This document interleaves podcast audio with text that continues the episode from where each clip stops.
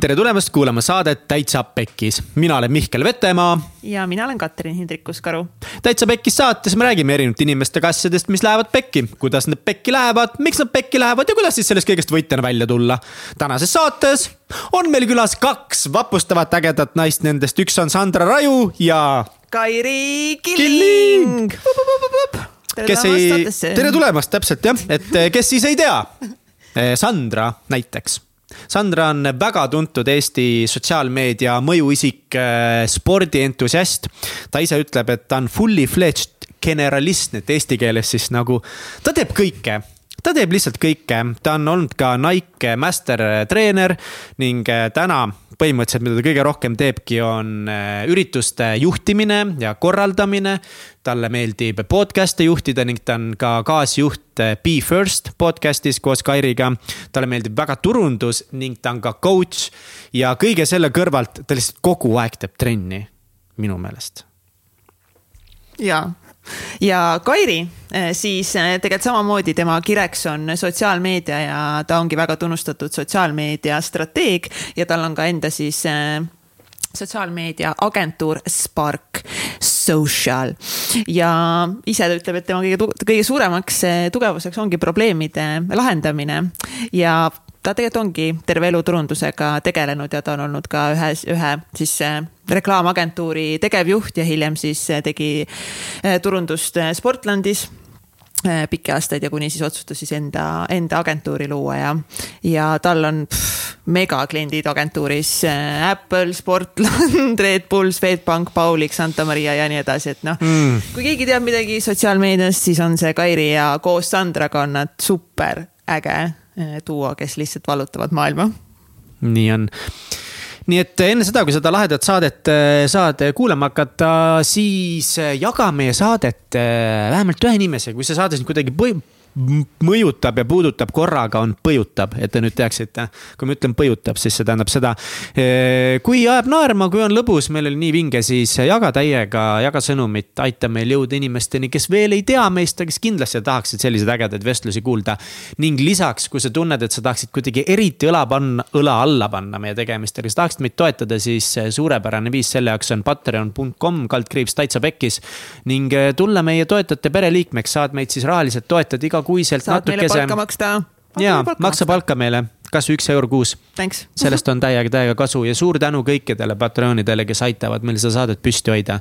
täiega armastan teid, aitäh. ja, ja veel on võimalus tulla meie täitsa pekkis transformatsioonifestivali neli punkt null, mis oh my god, on juba järgmisel reedel, ei nagu ülejärgmisel reedel mm. -hmm. täna on esmaspäev, kui see saade välja tuleb. oh my god, neljas märts hakkab ja viies märts on siis eh, põhipäev teadliku armastuse paradiis, siis seekord võtame teemaks suhted. kuidas siis ikkagist kommunikeerida enda vajadusi, kuidas tülisid lahendada, kuidas teadlikult üksteist puudutada räägime meesenergiast ja naisenergiast ja tunnustamisest ja uh, nii paljudest erinevatest teemadest ja just siin nädalavahetusel salvestasime ka vahe, vaheklippe meie festivalile näiteks nagu Lauri Peda ja, ja Ketteliga ja Mattias Naani ja Kristel Aaslaiuga ja teistega, et. ja energizer'id ja praktilised harjutused ja ma ei tea, Mihkel, kuidas sul, sa ju juhid kõike seda meil seal tuleb lihtsalt, see inglise keeles on hea sõna value backed, et see on mm. nii palju väärtust täis, mida sa siis hiljem saad ka kolmkümmend päeva järgi vaadata, kui sa poole pealt pead ära minema või sul ei ole millegipärast võimalik seda ühte päeva võtta iseendale, enda suhtele, aga ma väga soovitan, kui vähegi võimalik, siis võtke terve see päev vabaks. lapsed, koerad, kassid, saatke kõik minema kuskile, pange kuuri ja võtke päriselt see päev, et teadlikult tööd teha oma suhtega, mitte sellepärast, et võib-olla suhtes on kõik halvasti, kõik on pekkis, vaid sellepärast, et minna sügavamale, minna kaugemale. või kui on pekkis, siis saate lahendust sellele ka. absoluutselt ja mis on lahe, et äh, festivali pileti eest äh, saab ka tasuda mitmes osas. taitsapekkis.ee kaldkriips seminar, saad siis piletit soetada ja tule kaaslasega või kui sa oled vallaline, tule üksinda või veel parem, võta oma sõbranna kaasa, tulge koos, veedame ühe, ühe mõnusa päeva ja mõned vipp-piletid on ka veel alles, juba goodie-bag meil, ma ei tea, mingi pea sada viiskümmend eurot väärt vist. et kiired vipid veel saadaval, nii et eh, head saadet ja näeme festivalil. tšau. tšau. tšau. tere. Sandra ja Kairi. Äh, väga oluline küsimus, et äh, kas te üldse teate üksteist? see on nii meta, et ma luban Sandral vastata no natuke ikka teame. tšüt-tšüt, voodid on jagatud, nii et. mitmeid voodeid, tavalist voodit ja Saaremaal ja autos, autos ja mm.. ja te olete ka vallalised nagu ka mina. Te olete voodit jaganud. väga põnev. aga sa ei ole voodit jaganud nendega? ei ole, ei ole, ei, kõik ei peagi voodit jagama, kohe issand jumal kaitse. miks mitte? aga kuidas te tutvusite? Sportland ikkagi viis meid omavahel kokku. mäletan tegelikult väga hästi, see oli üks minu esimesi filmimisi Viru keskuses, kus ma pidin inglise keeles rääkima mingisugust trenninippidest. ja ma olin täie, ma olin nii närvis ja siis, ja Kairi oli kõige optimistlikum, positiivsem inimene, keda ma, no ma vist olin näinud oma elu jooksul tol, tolleks hetkeks. ja lihtsalt ma lihtsalt mäletan seda, noh a la mingi two hours later jaa, võte kaheksakümmend kolm, väga hea, Sandra, läheb, läheb, nüüd tuleb tegelikult oli... ei olnud absoluutselt nii hull, neil oli mõlemal ülihea energia, aga te vist ei olnud omavahel koos ka varem teinud asju, siis selle asja paika loksutamine võttis natukene aega. aga ülifun oli, nii et äh, kuni ongi nagu inimesed, kes on alati positiivselt meelestatud, siis saab kõik tehtud mm. -hmm. jah, niimoodi me kohtusimegi aga mis oli esimene nagu esmamulje, esimene esmamulje, esimene mõte, esimene negatiivne mõte teisest inimesest? kohe negatiivsed. ei, ei nagu mõlemat, esi-, esmamulje oli ta, mida oli oli ta või oli, mis sõnad. Ja siis teine on see, et äh, mis oli esimene negatiivne mõte. No ma arvan, et Sanjuga on lihtne selles mõttes, et teda on igal pool enne olnud näha, et ta on nagu full on power woman, nii et kohe, kui ma nägin teda, siis ma olin nagu okei okay,. see tšikk läheb nagu maailmas väga-väga-väga kaugele. Ja ta võiks täiega mu sõbranna olla, et kuna ta on täpselt nagu sihuke inimene, kes on minu vibe inimene, et mul ei ole väga palju inimesi, kellega ma instantly olen nagu, et okei okay,, I trust you, you are a good person nagu et siis kindlasti nagu see oli minu esmamulje ja kui me räägime negatiivsest poolest, siis ma ei ole siiamaani seda veel täheldanud, nii et ma arvan, et. ära jaa. kindlalt ei usu nagu,. võib-olla kui me elaksime koos, vaata, võib-olla siis hakkaksid mingid asjad, et sa oled mingi korterikaaslane või midagi, aga tööalaselt on nagu kõik ülitimm, sest ongi täpselt see, et üliaus, alati ütleme üksteisele, kui midagi on.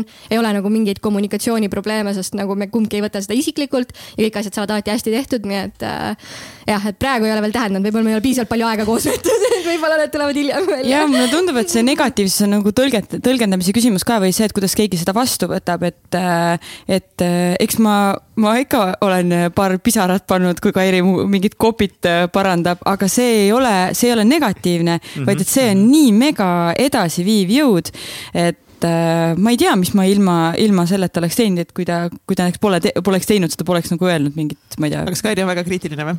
ei, ta on. Kairi noogutab ei, Kairi on nõudlik ja see on, see on teine asi. ta ei, kui ta annab sulle mingit tagasisidet, siis ta ei ütle, et äh, siin võib ükskõik mis sõna kasutada, onju. ta ei ütle, et see on sitt äh,, tee ümber, vaid et ütleb, see on sitt, sellepärast et see on selline, see võiks olla selline, tee ümber mm. -hmm. et seal, seal ei ole nagu mingit põhjendamatut äh, nagu kriitikat, see on konstruktiivne aga jah, selle, miks ma noogutasin, ongi see, et ma olen enamus oma elust olnud hästi ähm, hästi perfektsionist. et kõik peab olema ideaalselt tehtud ja alles ma arvan, viimase aasta poolega ma olen jõudnud sinnamaale, et äh, tegelikult ei pea et tegelikult on täiesti fine, kui kõik ei ole perfektne, kui kõik ei ole ideaalne, sest elu ei saagi olla kogu aeg ideaalne ja perfektne. ja alati tuleb leida see piir, et nii hea kui vähegi võimalik aga mitte kunagi inimese vaimse tervise arvelt, suhete arvelt, mitte millegi muu arvelt, et äh, nii hästi kui saab, aga. aga see on nagu see piiri. teooria, mida sa tead. ei, ma ütleks, et praegu on seda rakendunud ka, et ma ei tea, noh, nüüd võib uutel töötajatel käest küsida, et kuidas on, on ju, et ma üritan vähemalt seda ise teadlikult alati nagu teha, et ma kommunikeerin ka kogu aeg seda, et ei pea olema nagu aga võib vabalt nagu täiendada ma mäletan esimest korda, kui ma kuulsin, et Kairi ütles mm, okei okay,, paneme töösse, ma olin nii maailm on katki mida, kas sul on kõik korras kas, mis, mis juhtus, mis juhtus? eks me kõik proovi areneda inimestena. ei, see on, see on jah huvitav. aga Sandra siis ei ole perfektsionist, ma saan aru? ma olen paranev perfektsionist, et ma, ma tahan ka teha asju viimase vindi peal, nii kuidas on, et, et see, mida ma teen, see saaks tehtud maksimaalselt hästi nendel nende oskustega, mida ma, mis mul hetkel on. et ma olen, olen endale pannud küll ja küll seal nagu väga palju pinget peale, sest et ma arvestan või ma tahan teha nagu teiste inimeste standardite järgi asju. Lihtsalt nüüd ma olen õpetanud ennast ümber, et äh, ma saan teha täpselt nii hästi või nii palju, kui ma oskan teha. et see, et keegi teine teeb kuskil paremini, see on, ta on lihtsalt on minust paar sammu ees. et ma ei saa ennast nagu can't beat myself up, sellepärast et äh, lihtsalt okei okay,, ma vaatan, et selge, mina teen praegu nii, tema teeb nii, ma tahaks sinna saada, kus ta praegu on, aga ma teen endaga rahu, et ma olen hetkel siin ja siis mõtlen, et nii, kuidas ma saaksin sinna tema, selle tema tasemele. ma ei rääkinud üldse Kairist praegu aga Airi, mis on sind pannud äh, muutma siis iseennast? Mm, noh, ma arvan, et ongi see, et kui sa ikkagi ähm, kuulad inimesi enda ümber ja sa, noh, ma olen hästi sihuke inimene, et mul on väga raske inimesi tunnetada. et äh, ma nagu Sheldon Big Bang Theory'st, keegi teab, et ma nagu mingi, aa, see on sarkasm, okei okay. keegi oleks võinud mulle silti näidata, et okei okay,, et, et mul on alati olnud raske inimesi tunnetada, aga ma proovin seda kogu aeg parandada ja siis saadki aru tegelikult, et inimesed üritavad ohverdavad natukene ennast selle jaoks, et olla sinu standardite peal, lihtsalt nagu see ei ole ju see, mida ma tahan tegelikult, on ju. et siis mm -hmm. nagu lihtsalt äh, on võtnud aega, aga analüüsi käigus olen siis nagu aru saanud, et äh, tõmbame natuke tagasi, et ennast ma võin pressure ida, aga teisi mitte niimoodi. aga kust need kõrged standardid siis tulnud on? Uh, ma pole kunagi seda analüüsinud niimoodi. no selles mõttes ma olen äh, tippsportlaste perekonnast, et võib-olla sealt et tulemused, tulemused, tulemused. ja muidugi ikka olümpiamedal, mis alla selle ei saa mis sa naerad, jumala karm teema noh kohe lapsepõlvetraumad. ei ole tegelikult, sest mina nagu võtan seda edasiviiva jõuna. et mulle see ei ole haiget teinud, et võib-olla ongi lihtsalt see, et äh, kui mul oleks parem nagu empaatiavõime, et siis ma võib-olla oleksin täheldanud seda enda ümber olevate inimeste puhul nagu varem, onju. et ma neile panen samasuguseid pressure eid peale. et ma enda puhul nagu ei pane seda absoluutselt pahaks. et mulle meeldib see, sest see on see, mis on viinud mind sinna, kus ma täna olen, onju. Mhm. oota, mis sportlased su äh, perekond siis on? Äh, mu vanemad on siis, ema on tippsõudja olnud terve elu ja siis isa on äh, Eesti sõudekoondise treener ja paari olümpiamedali omanik. see, ja milline su lapsepõlv välja nägi, väga palju sõudmist või? Äh, kusjuures mind ei sunnitud kunagi sõudma, et võib-olla ma, ma noh, ongi, et mul olid teised nagu soovid, et ma tegin kergejõustikku, ma tantsisin ja mu vanemad toetasid mida iganes, peaasi, et see on nagu sport ja liikumine, onju et siis äh, mul oli nagu mega äge lapsepõlv, ma sain isaga kaasa reisida igast äh, võistlustele, laagritesse ja nii edasi. Äh, jah, ja elasin enamus ajast oligi kuskil jõe ääres on ju, mingi no, vaatad, kuidas paadid liuglevad mööda sillerdavat vett, et ei, ei saa kurta. okei okay., ja sportlaste meelest on jumala palju häid eeldusi, et saada ettevõtjateks.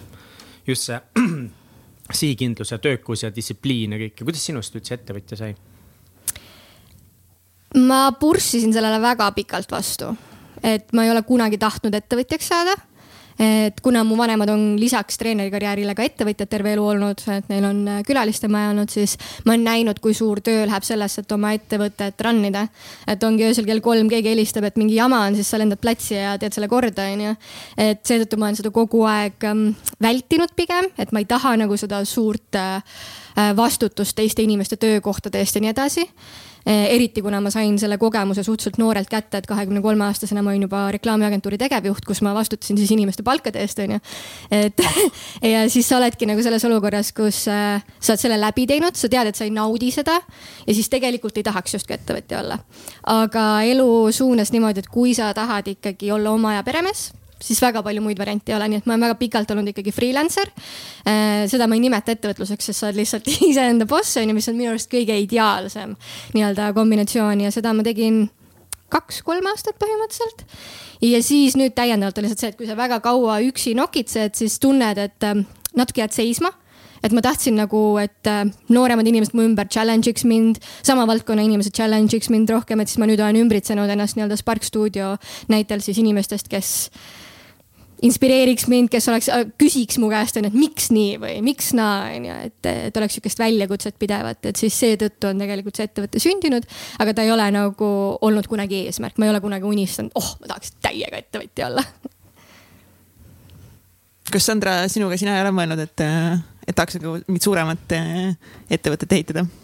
oi, ma olen kogu aeg seda mõelnud, minu mentaliteet on, on suht noorest peast olnud juba see, et äh, ma tahan teha asju, mida mitte keegi pole veel teinud või et kui keegi on seda teinud, siis ma tahan seda paremini teha. et äh, jah, isegi kui ma pole seda endale, ma ei tea, välja öelnud nooremast peast, aga kõik need asjad, mida ma olen siiamaani teinud, seda, neid on drive inud see soov äh, eristuda kuidagi või, või, või teha midagi, teha midagi ägedat, sellepärast et äh, ma ei tea teisi kuidagi edasi, edasi lükata, sest et minu arust see, mulle väga meeldis, mida Henri, Henri Kruusel, kui ta meil külas käis, äh, siis meie podcast'is, siis ta ütles, et, et üks kõige ohtlikumaid asju, mida inimesed saavad öelda, on see, et äh, parafraseerin, et äh, teeme nii, sest nii on alati tehtud. ja see on midagi, mis on minu jaoks nagu, kui keegi niimoodi ütleb, siis ma olen nii, et okei okay., aga äkki ei tee, äkki prooviks midagi teistmoodi, sest et noh, niimoodi sünnibki innovatsioon, kui mingid hullud ütlevad, kuule ma ei tea, teeme nii, proovime sedasi, see on, see on äge, see paneb ennast ka elama, et, et ma arvan, et sellest, sellest, see on üks põhjus, miks sai alguse TTÜ Tantsutrukute praegune TalTech Cheerleaders.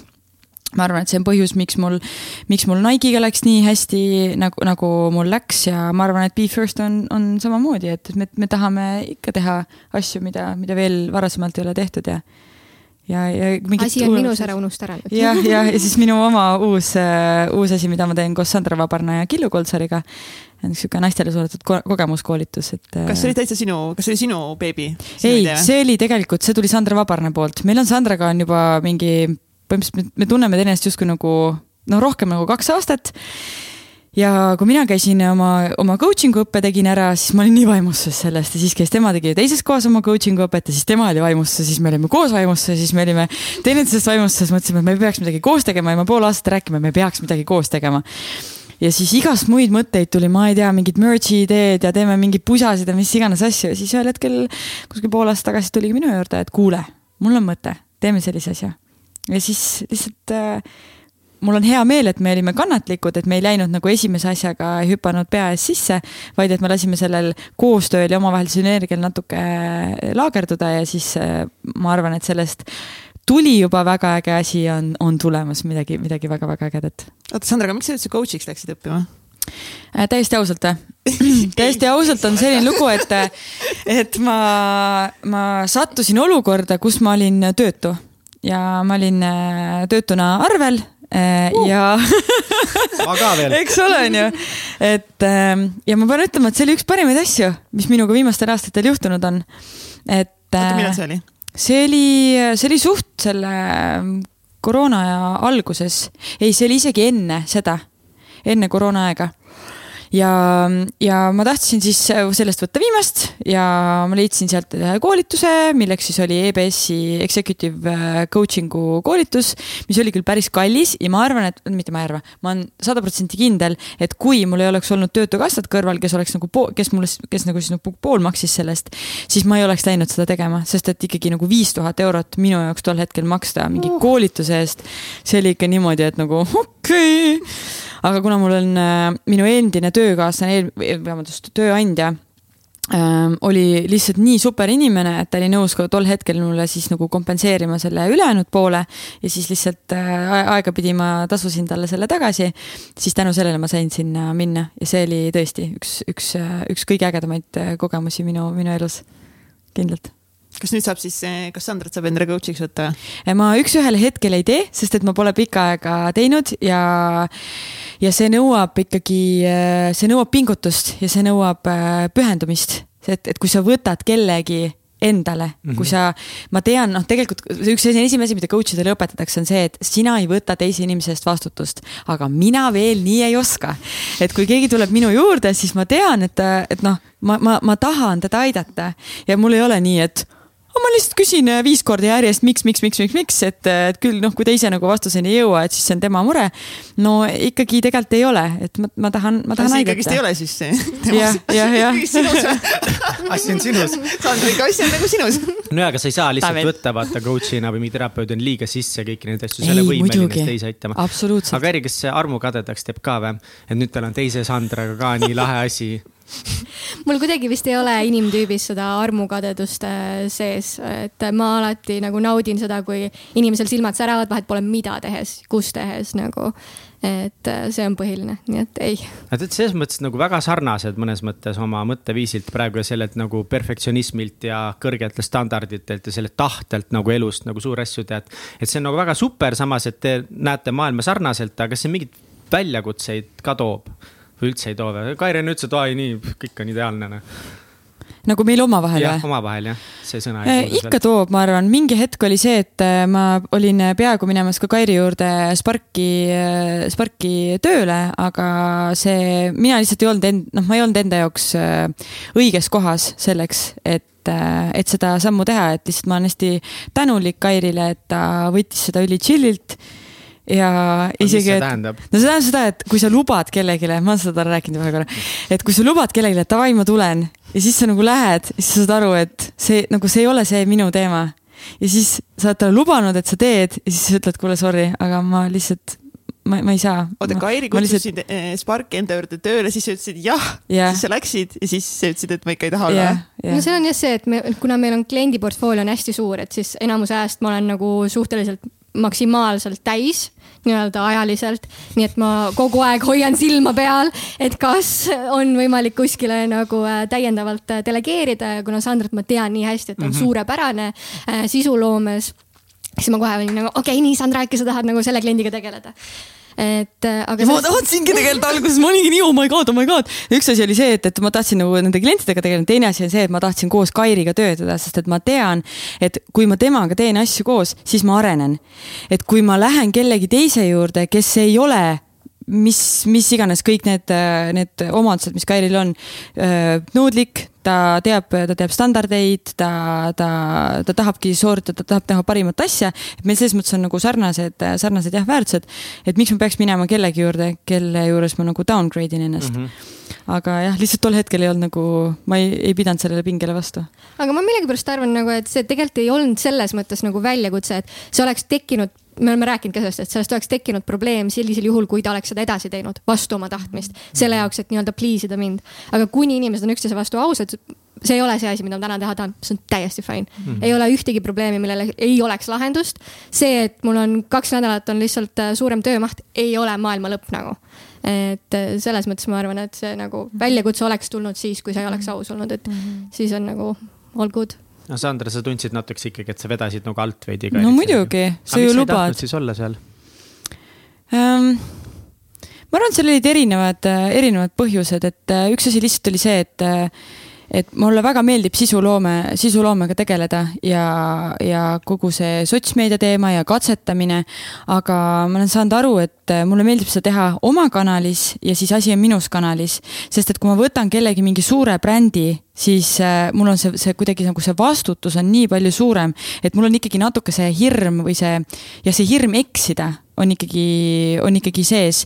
et äh,, et, et, et kuidagi, ma ei tea ma nagu, ma nagu tundsin, et, et ma, et, et see ei ole lihtsalt tol hetkel nagu minu õige, õige tee, kuhu minna, et ma panen endale liigselt äh,, ma küll arenen seal, aga ma panen endale liiga palju stressi, et tol hetkel ma mm -hmm. lihtsalt ei händeldanud seda, seda ära, et, et. ei händeldanud. jah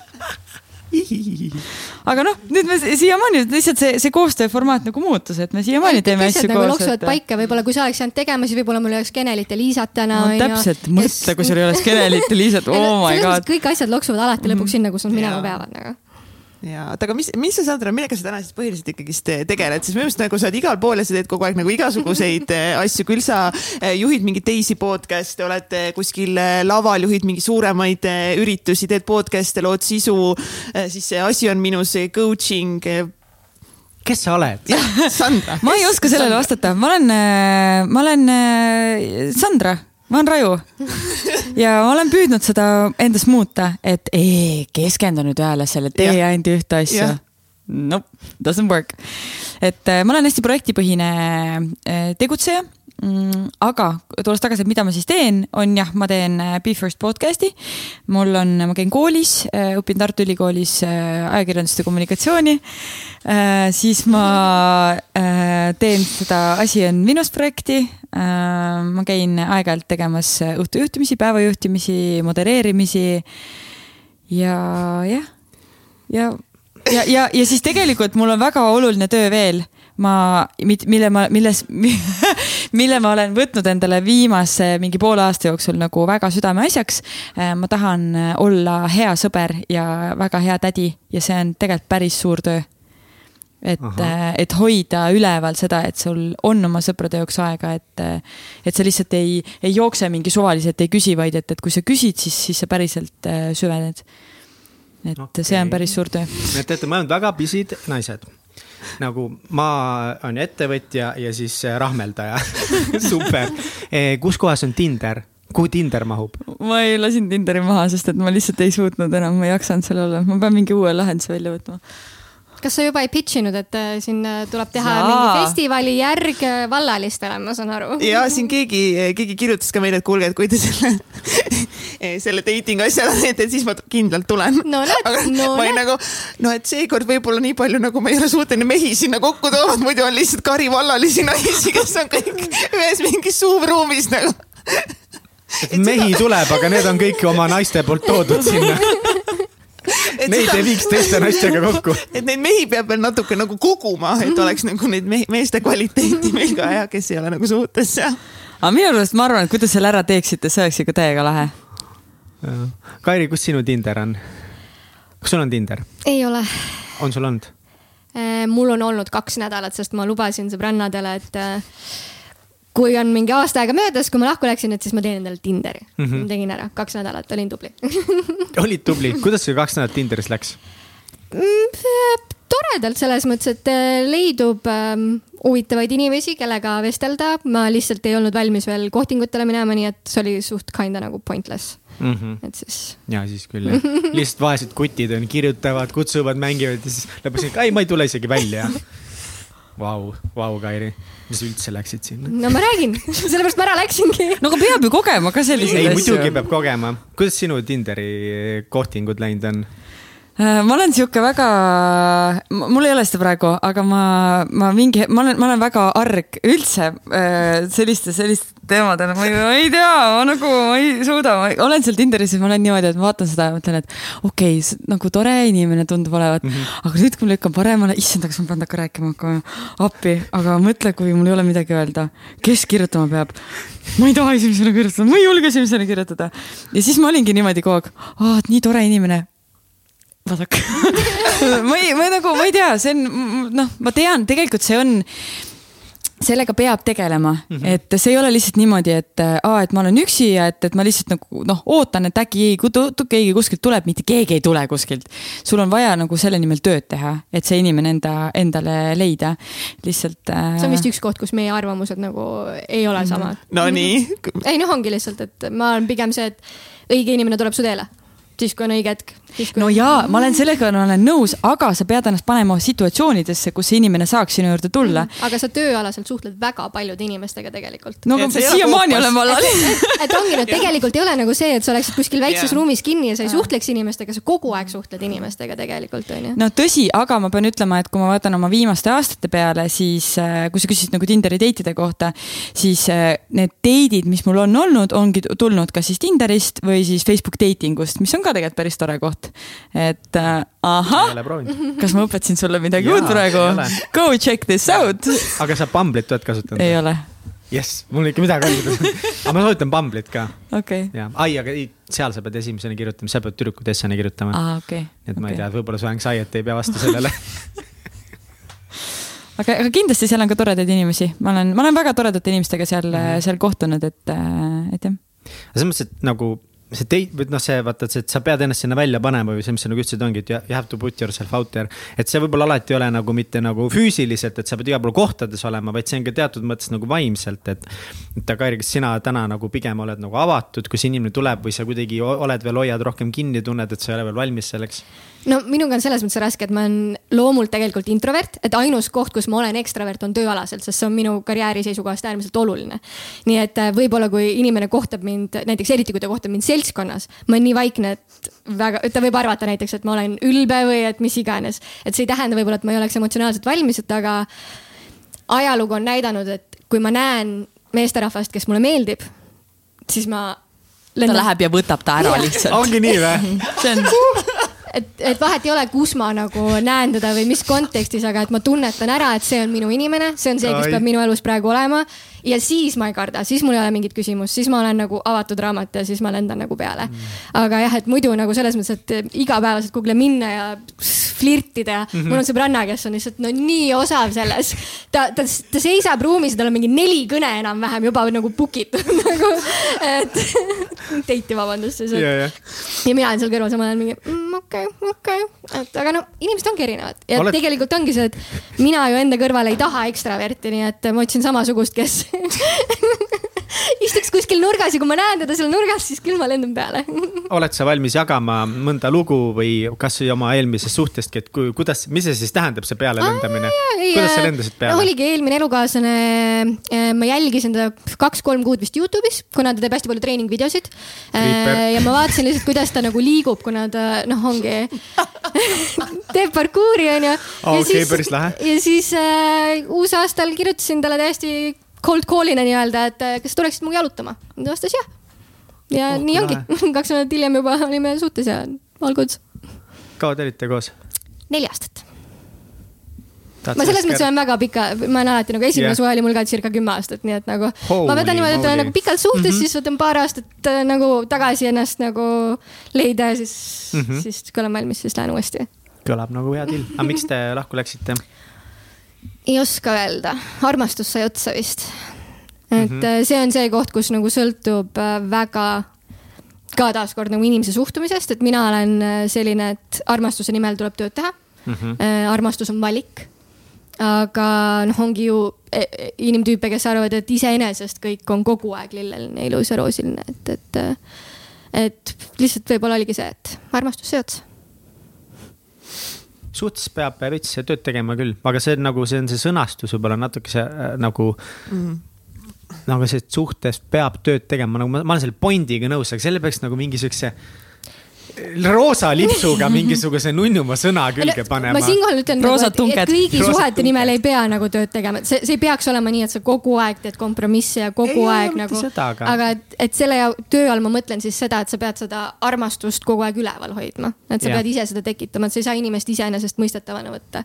et see, et ta on sinu kõrval täna hommikul, see on tema valik iga jumala päev, see ei ole nagu iseenesestmõistetav mm. -hmm. et siis selle eest nagu tänulik olla ja selle nimel nagu seda hoida, et see, see on see, mida ma mõtlen. ja, ja peab date'e tegema ja vahepeal mingi üllatusi ja mingi mm. mänge ja lihtsalt nagu võib-olla ka suhtes ongi suhtega töötamine see, kui mõlemad inimesed iseendaga tegelevad, et olla nagu parem inimene, et kuidas me seal ütleme, et suhted on see kõige suurem iseenda peegel ka, et toob välja kõik asjad. see on väga hea point, et iseendaga tuleb, tuleb tööd teha, et tihti me ootamegi, et see muutus tuleb kellegi teise poolt või et, et me loodame selle teise inimese peale, et, et äh, ei. Sandra, miks sa arvad, miks sa siiamaani vallaline oled? Sest et mingi hetk minul, mul oli äh, konkreetne valik, äh, oli karjäär. ma tahtsingi teha, ma tahtsin teha karjääri ja mu, minu ellu ei mahtunudki mitte midagi muud.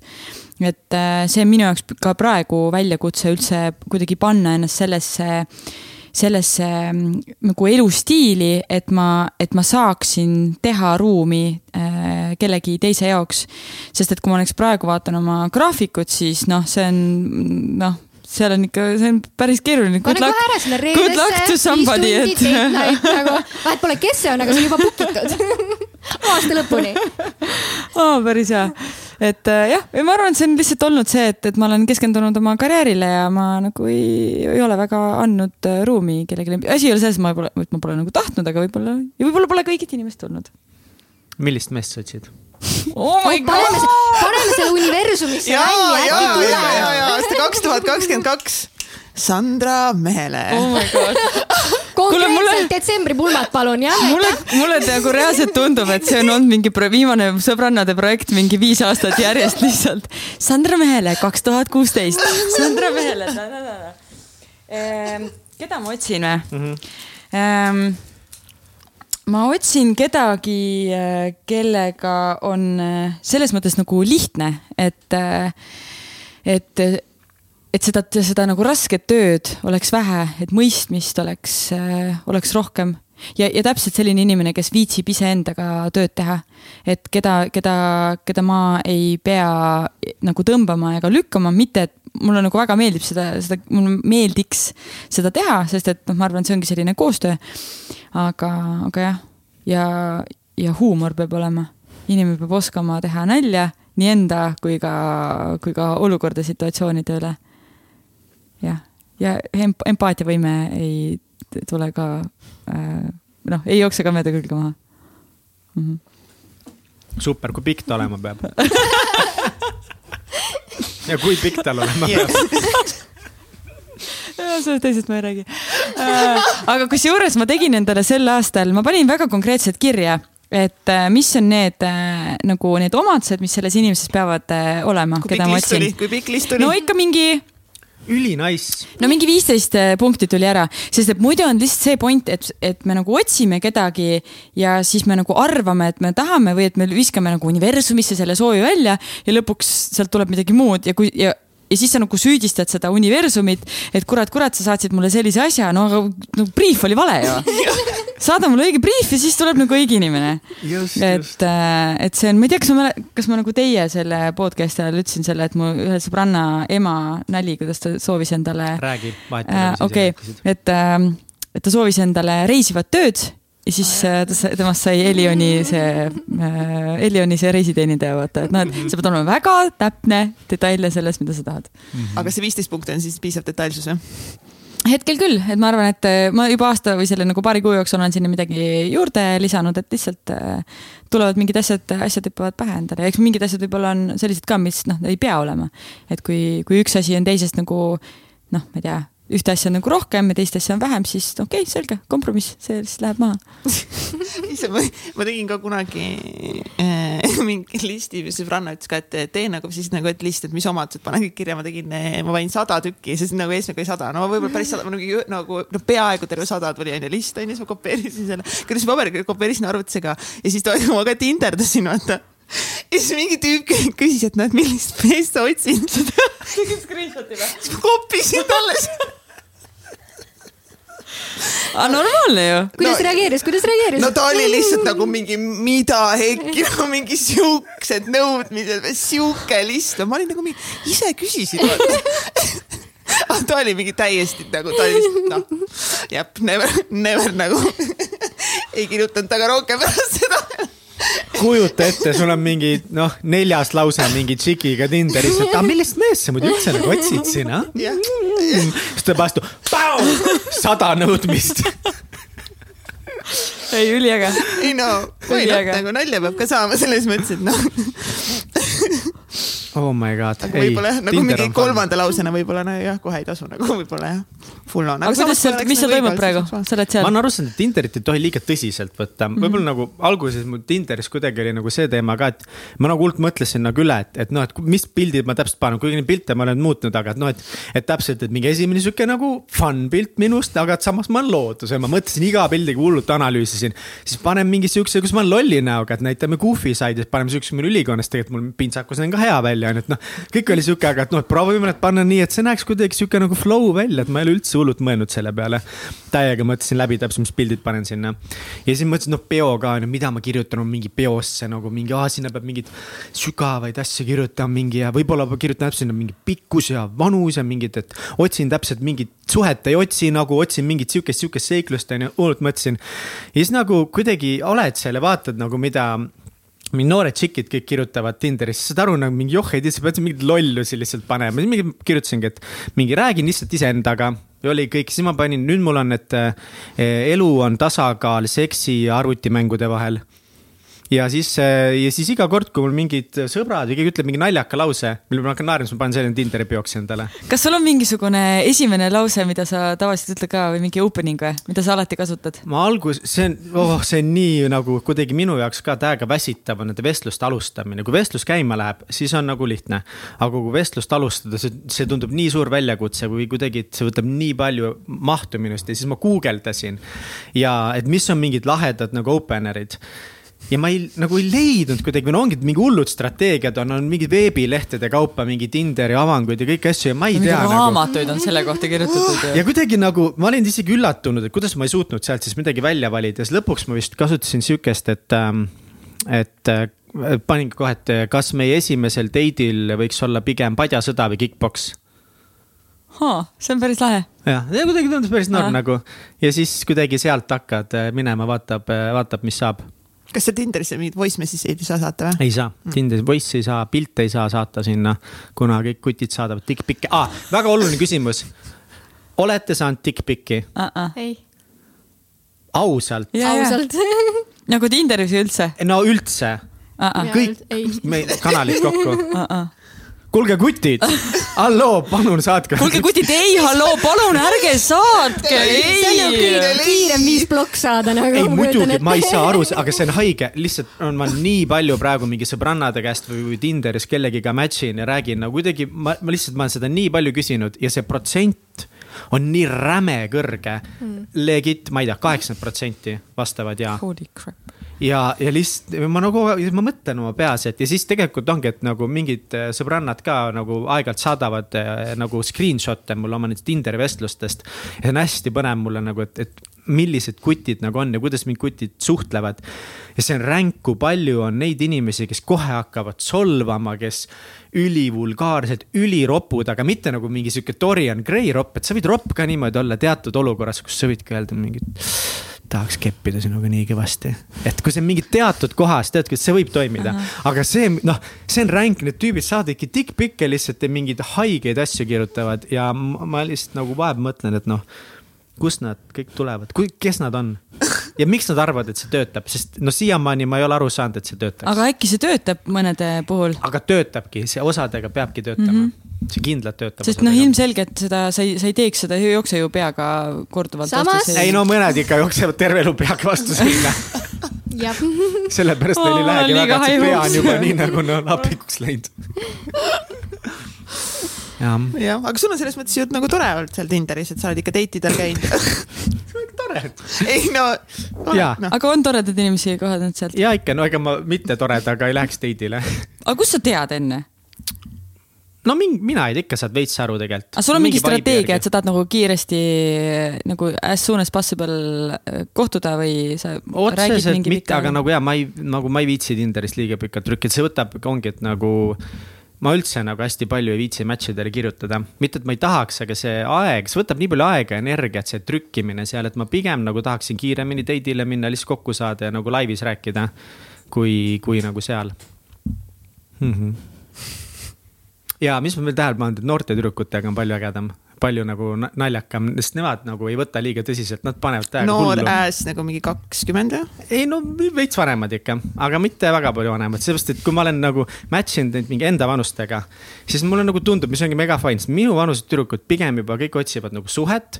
Nad on äh, väga eneseteadlikud Nad täpselt teavad, mida nad tahavad, mida nad ei taha ja nad ei viitsi mingit sitta eriti ajada. aga mingi kahekümne nelja aastased, kahekümne kolme aastased, kahekümne kahe aastased, kahekümne viie aastased võib-olla. enamus on lihtsalt niimoodi, et nad ajavad lihtsalt mingit lolli juttu suust välja, mis on ülinaljakas, nagu et noh, on, on loll loll jutt ja on naljakas loll jutt mm. -hmm. ja siis kuidagi ja nad ei võta liiga tõsiselt mitte midagi. et sa saadki mingit sitta ajada, vahepeal sa ei vasta, siis sa jälle vastad, nemad on mingi oma teemad, siis kuidagi, et see on, see on nagu fun vot. uh jah Need Mihkli seiklused on toredad. noh, sa võid ka raamatu kirjutada nendest varsti. ei, ei aega on veel. ta kogub, las see veel kogub, kogub, kogub lugusid on ju, veel. oli jutt, et ju suhtesse kohe ei lähe on ju. aa, okei. No relationships for me oota, nii, aga räägime nüüd natuke teistel, teistel teemadel ka. et äh, esiteks ma tahtsin küsida, et Sander, miks sa kooli läksid nagu mingi, miks? Tead, ütleme niimoodi, et viimase sessi jooksul küsisin ka enda käest seda korduvalt, et miks ma kooli läksin. mul on mingi, see on mingi tegemata asi, ma olen ühe korra juba magistrist, magistrisse astunud, see oli Tallinna Ülikoolis, ma läksin õppima äh, kehakultuuri, aga siis tulid uue, tulid mingisugused muud huvid tulid peale. siis too jäi pooleli ja äh, ma, ma lihtsalt tundsin, et see on midagi, mida ma tahaks teha, sest ma olen hästi, mulle meeldib õppida aga mulle meeldib struktuuriga õppida või mulle meeldib mingi süsteemi järgi õppida ja noh, ma tean, et või ma teadsin juba enne, et kui ma sinna lähen, et seal ei ole nii, et kõik asjad on oh, uh, ah, ah, kui äge, nii lahe. et no ei, no ikka päris paljud asjad on siuksed uh,. okei okay,, davai, teeme selle ära. aga mul on lihtsalt paar mõtet. magist-, pärast magistrantuuri, et eks siis ole näha, kas see realiseerub või, või mitte Ehm, või vähemalt need, need olid plaanid nagu enne seda, kui ma, kui ma läksin õppima, sest mul võivad asjad võivad kogu aeg muutuda. ja siis teine asi see, et ma lihtsalt tahtsin hakata ühte uut äh, uut podcast'i formaati katsetama, proovima ja siis lihtsalt äh, see sobis mulle väga hästi nagu kooliga, et ma mõtlesin, et aa, et okei okay,, ma saan kaks asja omavahel ühendada. et ma saan teha magistri, ma saan sealt äh, oma, oma hariduse ja siis äh, ma saan teha selle äh,, selle podcast'i projekti, mis ma saan omavahel kokku panna. ja tegelikult, kui ma nüüd hakkan, mõtlen natuke aega tagasi, siis, siis kui ma olin töötu, siis ma otsisin tööd äh, välismaale. Ja te ei kujuta ette, kui paljudes kohtades nõutakse magistrikraadi. Et üldse, et sind võetakse, ma otsisin turundusse erinevates nagu turundus äh, mingi marketing positsioonidele. et äh, sealt mul tegelikult nagu see kõige see esialgsem asi hakkaski jooksma, mõtlesin, et nagu pekki, et kui ma tahan välismaale tööle minna, et nagu päriselt ka. et mul on vaja seda paberit siis selleks, et öelda, et ja oligi nagu requirements oli kirjas, et, et peab olema magistrikraad, aga noh, see on see ei ole nüüd see enam see põhjus, miks ma, miks ma seal olen, et äh, lihtsalt äge, äge kogemus. kuidas te mõlemad enda aega planeerite? Et te jõuate nii palju asju ära, ära tehtud? no mina fännan meeletult äh, aja planeerimist, et see on üks nendest asjadest, mis ma tunnen, et ma olen täielikult masterdanud enda jaoks. et äh, minu jaoks ikkagi kõige lihtsam on to do list'id, aga to do list'id nagu süsteemiga. et äh, ma alati panen to do list'i ära kõik need asjad, mis mul on calendar blocking us on ju. ja siis täiendavalt ma tean, millist äh, ajuressurssi mul on võimalik suurte projektide jaoks rakendada päevaselt ja kui palju on pisikeste asjade jaoks ehk siis mul on to do list'is alati nagu kolm plokki ja iga päeva peale ja siis kõik pudru-mudru, mis on vaja, on nagu äh, nii-öelda brain dump'i nimekirjas, kust ma siis tõstan aeg-ajalt oma igapäevasesse. okei okay,, nii, vau, nii mm. -hmm nii, hakkame otsast peale, calendar blocking, brain dumping kategooriad, nii. Räägi nüüd inimestele, kes ei tea nendest asjadest mitte Ühesõnaga, midagi. mul on Notion, väga äge platvorm. Okay. kus on master database ehk siis kõik asjad, mis mul on vaja teha, mis ma tunnen, et äh, on ka ära kategoriseeritud, et mis on minu jaoks kõige olulisemad, mis on siuksed, mis on nice to have, on ju, mis on siuksed, et peab lihtsalt tegema, sellepärast et elada, on ju ja siis iganädalaselt, iga pühapäev ma võtan selle aja, käin kõik üle, et mida ma teen, millal ma teen. Ja ma üritan endale, see on asi, milles ma olen hästi halb olnud läbi elu, nii et ma olen üritanud seda kogu aeg parandada, oma aega planeerida niimoodi, et äh, ma ei rabele et, et see oleks ka reaalselt nagu mõistlik, et kui Sandra ütles ka, et mis kellast me nagu järgmise podcast'i paneme, siis ma ütlesin, et sa jätad sinna tunni sellepärast, et seda on vaja selle jaoks, et süüa, liikuda, olla, et ma ei taha nagu enam rahmeldada niimoodi, et me jookseme kuskilt, jääme hiljaks ja nii edasi, nii edasi, onju. et siis äh, jah, mina kasutan Notionit ja lihtsalt see kuidas ma olen selle üles ehitanud enda jaoks, seda võib vaadata näiteks mu Youtube'i kanalist. et selle ma võtsin ka kokku, kuna seda küsiti, Kairi Killing, ma olen igal pool Kairi Killing mm. -hmm. et ma lihtsalt äh, alati jõulude ajal teen Vlogmassi ja kuna Vlogmassi ajal tuli päris palju kommentaare selle kohta. mis asja? aa, Vlogmass, äh, see tähendab, et iga jumala päev teed video ja laed üles järgmine päev kakskümmend neli päeva järjest. detsembris. detsembrikuus, see on, see on trend lihtsalt inimestele, kes armastavad jõule ja tahavad seda jäädvustada, et ma, ma olen seda nüüd aastaid teinud, sest. Iceendale nagu või? no põhimõtteliselt, no sa paned selle internetti ülesse, nii et mõned tuhanded vaatamised on ikka aga nagu pigem selle jaoks, et endale talletada jah. okei okay.. et seal on igastahes nagu kokku võetud, kuidas ma seda ehitan ja on ka templiit, et kui keegi tahab kasutada mis, mis asjad on need eh, kalendriplokid? No selles mõttes, et äh, me teame, on ju, et osad inimesed on niimoodi, et blokivad terve oma kalendri ära, on ju, et sa paned kõik asjad endale paika, mis kellast, mis kellani sa midagi teed. minu jaoks see nagu fully ei tööta niimoodi, et ma kõik pisiasjad ka sinna panen, ehk siis, et mul on nagu suured ampsud asjadest, mis ma tean, mis on nagu fikseeritud ja kõik muu seal vahel on minu jaoks nagu to do list'iga nii-öelda navigeeritav, et kui ma näiteks tunnen lõuna ajal, et mul peaks olema tegelikult siin plokis on ju mingi postituste kirjutamine või midagi, aga mul on null inspiratsiooni, ma tean, et ma õhtul töötan paremini, siis ma tõstan selle nagu edasi to do list'is on ju, et kui sul oleks blocking, siis võib-olla oleks nagu karmim see, aga mina jätan endale selle vabaduse, et mul on nagu fikseeritud asjad, mis on ajaliselt mm -hmm. ja mhm. siis ülejäänud on liigutatav kõik. aga mis on mingi tava, mingi hea näide mingist klassikalisest plokist, mille sa ära fikseerid? no selles mõttes, et täna ongi näiteks on ju siin podcast, kaks podcast'i, et need asjad, mis on kõik fikseeritud, on ju, ja kui ma tunnen, et ongi näiteks ma pean trenni endal panema sinna blocking usse, siis ma teen sellega ära. aga kas sa paned endale kalendrisse ka siukseid mingeid töötamise blokke, et, et vot ikkagi nagu homme mingi kümnest üheteistkümneni ma töötan mingi nende ideedega või kuidagi või? Äh, jah, selles mõttes, et ma töötan kakskümmend neli seitse kindlasti sa ei tööta kakskümmend neli seitse. ma ei pane endale selles mõttes ajapiirangut, et esiteks ma olen see inimene, kes eh, ei funktsioneeri hästi hommikuti. nii et minu päevad algavad kordades hiljem ja lõpevad kordades hiljem kui võib-olla mm -hmm. tavainimese jaoks, onju. mis kell sinu päev hakkab? mis ma täna ärkasin kaheksast või? ei ole meeldiv aga muidu tavaliselt? ma eelistan ärgata no üheksa, kümme aga see, et ma ärkan, see ei tähenda seda, et ma olen valmis tööd tegema. et see ongi täpselt see, et ma olen valmis koeraga jalutama minema, ma olen valmis hommikusööki tegema, ma olen valmis äh, Philip de Francot vaatama, aga ma ei ole valmis siis veel inimestega suhtlema, sest see võtab minu jaoks kõige rohkem energiat. ja ma ei ole valmis siis nagu loov olema, sellepärast et hommikul mu aju on lihtsalt mingi ja mitte midagi head seal ei toimu. mis kellast sa siis lähed näiteks äh, stuudiosse või ähm,? noh, stuudiosse ma, sõltub täiesti, no ongi, eile läksin hommikul kell kaheksa onju, eelistan minna kell kaksteist, aga tegelikult ei ole nagu, et ma pigem lähen sisetunde järgi. aga see ongi see, et mul on to do list ees, äh, mul on need asjad, mis on blokitud, on blokitud ja to do list'is ma lihtsalt tean, et kui ma nüüd lähen näiteks kella kaheteistkümneks, siis ma lõpetan päeva kell seitse onju, et kas ma tahan seda teha või ma tahan minna varem ja siis lõpetada varem onju.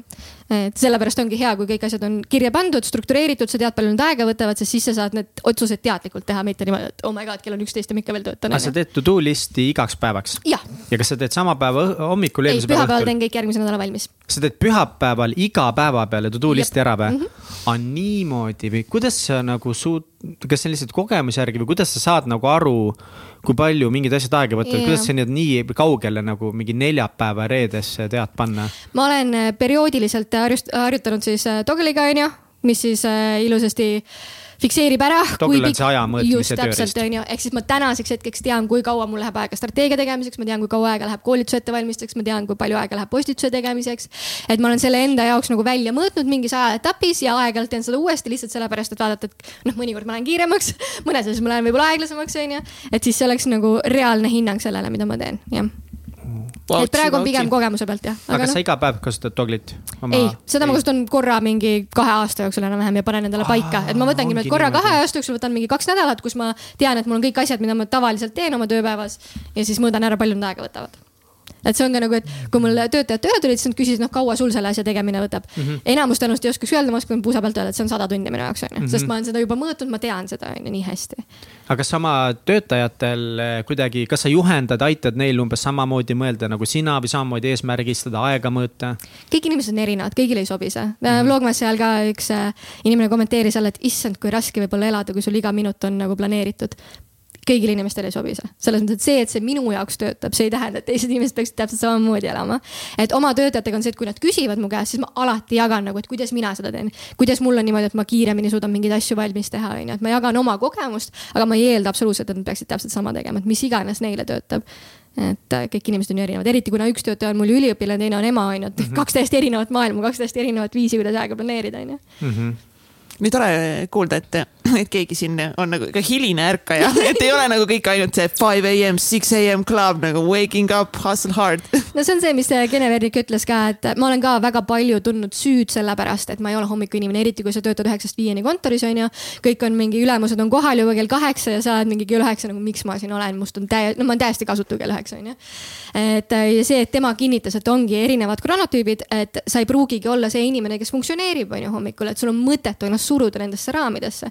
Kui tegelikult sinu elu on palju parem, kui sa teed nii, nagu sinu bioloogiline keel ütleb sulle uh. -huh. nii et jah, mina olen see öö, öögranaat, see wolf, hundi granaattüüp uh -huh. siis jah aga sa tunned õhtul nagu, sorry, yeah. et, et ikkagi nagu ma olen nagu tähele pannud seda, et ma üldiselt ka nagu. ma olen ööinimene olnud ja ma olen oma ülikooli mingeid töid kirjutanud öösiti valmis, aga. aga kui ma proovisin seda hommiku asja, siis nagu lõpuks mulle tundus, et hommikud olid alati nagu raskemad. aga samas ma olin hommikul nagu minuti kohta rohkem produktiivne. aga ma emotsionaalselt oli nagu raskem olla. aga õhtul nagu ma ikkagi täna ma tunnen, ma tegelikult ei ole nii produktiivne. No mina olen just õhtul produktiivne, et mul okay. ongi näiteks, et täna hommikul mul oli vaja kirjutada valmis kaks teksti, onju. Äh, mis muidu mul võtaks, noh, õhtul ma arvan, võtaks mingi viis minutit, noh, maks Mm -hmm. täna ma istusin mingi viisteist minutit nende otsas, sest mu aju ei tööta veel.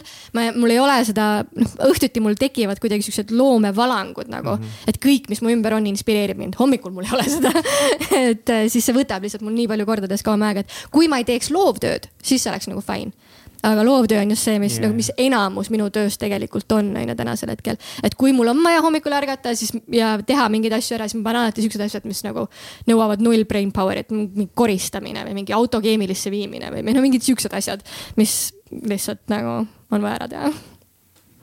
noh, Sandra no beat that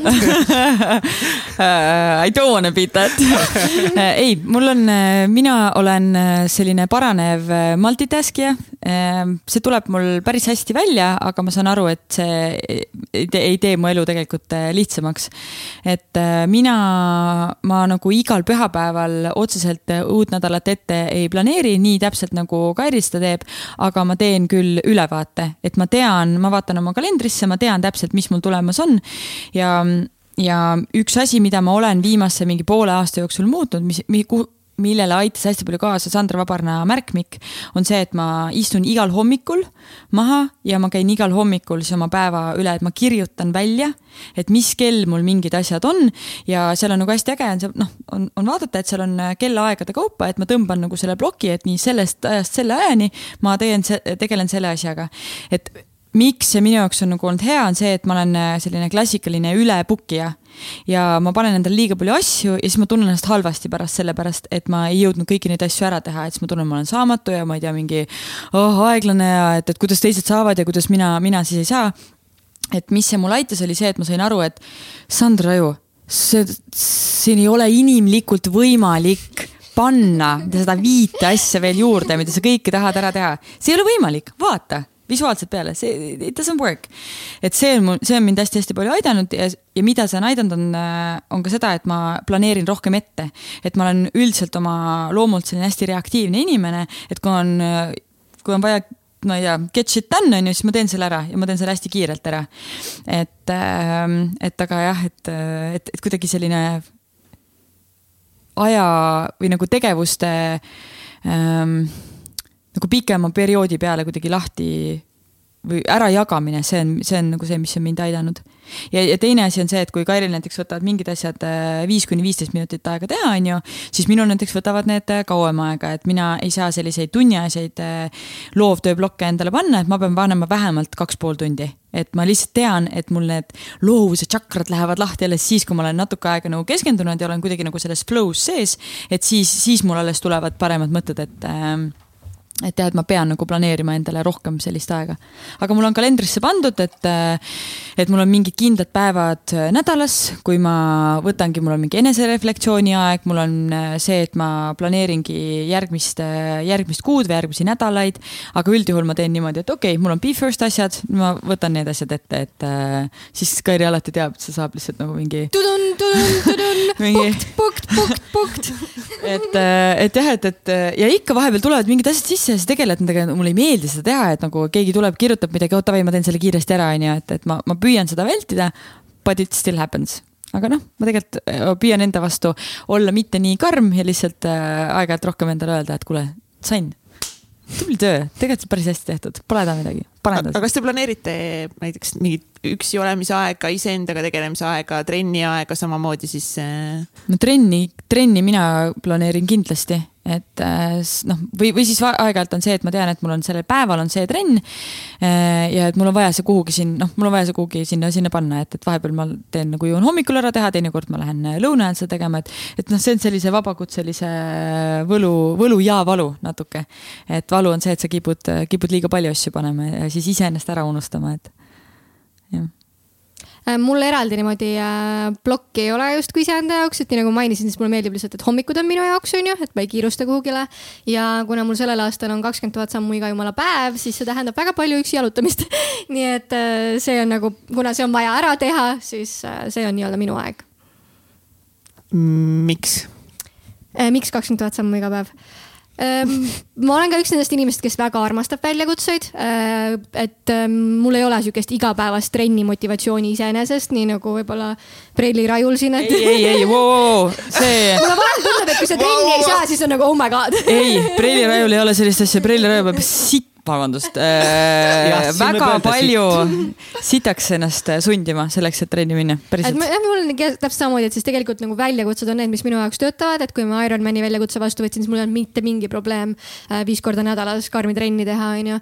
et praegu ma võtsin ka selle väljakutse puhtalt sellepärast, et ühest küljest jah, see, et et ma võtaks rohkem aega iseendale, teiseks sellepärast, et mulle väga meeldib matkata. Ja kolmandaks sellepärast, et mul on siin see aasta nüüd kolm suurt matkaprojekti ja ma tahaksin väga, algul oli, kui ma vastu võtsin selle väljakutse, siis oli septembris üks suur matkaprojekt, kus ma tahan, et ma tunnen ennast mõnusalt, kui ma ronin kuskil kõrgetes kohtades, et mul ei ole raske, onju, et mu liigesed on valmis, mu keha on valmis selleks. Ja nüüd on kujunenud nii, et on siis kolm projekti juba see aasta, et siis äh, on hea, et ma alustasin. Mm -hmm aga see ongi eesmärgistamine, palju lihtsam on äh, minna trenni või teha tööd või ma ei tea, mis iganes asju teha, kui sa tead, mille suunas sa liigud, sest kui sa lihtsalt nagu floating somewhere nagu oh, teen või ei tee ja noh, ma ei, ma ei tea, minu, minu jaoks ei tööta, mul on ka ikkagi eesmärki vaja. mis ma, su eesmärk siis näiteks praegu on trennis käimiseks? Äh, mina lähen äh, juulikuus Soome tegema poolikut Ironmani tead, Mihkel, sa ei kujuta ette, lihtsalt nagu mu isa küsis mu käest nagu tõsimeeli, kui ma esimene, kui ma hakkasin tegema täpselt samamoodi, et nagu miks sa seda teed. ja sa ei, seda ei ole võimalik selgitada, sa pead selle ise ära tegema ja alles siis sa saad aru, et, et miks sa seda teed kestvusspordi puhul veel eriti ja nagu triatloni puhul eriti, Kairi teab seda ka, et kui sa jooksed üle selle punase vaiba ja sa lihtsalt saad aru, et mina tegin seda minu keha, aitäh, aitäh, aitäh, aitäh, aitäh, aitäh, sa oled nii fucking tubli, et sa selle ära tegid. ja see, see on nii hea tunne, et ma, mina panin selle töö siia sisse, mina ise tegin oma käega oma motivatsiooni ja tahtejõu ja millega, millega iganes, et see on, see on minu tehtud töö. see on, see, ma ei tea kõige võimsam tunne üldse. ma olen nii palju asju elus teinud, aga üle Ironmani finišijoone jooksmine oli see koht, kus ma olin nagu, et fucking I m awesome, mitte, mitte miski maailmas ei saa mulle kätt ette panna, nagu kui ma selle ära tegin, siis ma tegin mm. kõik maailmas ära lihtsalt mm.. jah, sport ikka õpetab täiega. Kats, kas sa mäletad meie emotsiooni, kui me tulime sealt äh, Be Firsti stuudiost välja ja me hakkasime arvutama, oot-oot-oot, mis, mille, mis pool triatloni või minitriatlon, mille me teiega kokku leppisime, kuidas seda nimetatakse? rahvasport põhimõtteliselt, see on äh, olümpiadistants või? on meil vähem, vähem on isegi vist. see on isegi vähem jah. isegi vähem. by the way, see ei ole augustis, vaid see on juulis ma vaatasin järgi. okei okay,, ühesõnaga see, aga no mingi väiksem versioon triatlonist on ju. niimoodi ja palju seal seda ujumist oli? meil oli, seal on nelisada meetrit on kõrval minu arust. I Google, I Google. jah, nelisada meetrit ja kui sa ütlesid meile nelisada meetrit, siis mina olin tol hetkel mingi, aa, et okei okay,, ainult nelisada meetrit, et davai, lebo on ju me läksime õue ja siis me olime korra katsiga, et oot-oot-oot, et palju see üks basseini ots on, sest ma ei jõua seda basseini otsa väga ujuda. see on kakskümmend viis meetrit.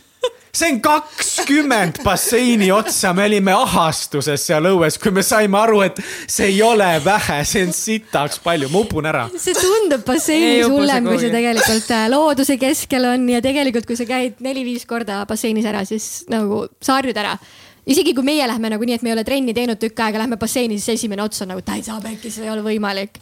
ma Aga lihtsalt, mul on sulle hea uudis, see ei ole nelisada meetrit. kolmsada viiskümmend. kolmsada viiskümmend kakskümmend kaks kilomeetrit ratast ja neli kilomeetrit jooksu ja. kakskümmend kaks kilti ratast. ja, ja nelja, üheksandal juulil, üheksandal juulil kell kaksteist peavad kõik rattad olema stardialas. kas see on niimoodi, et kõigepealt on uh, ujumine, siis on uh, ratas, siis on jooksmine? jah, täpselt ei davai, teeme ära. ma arvan ka, ei lase midagi. see on ausõna mõnus, no see. Nice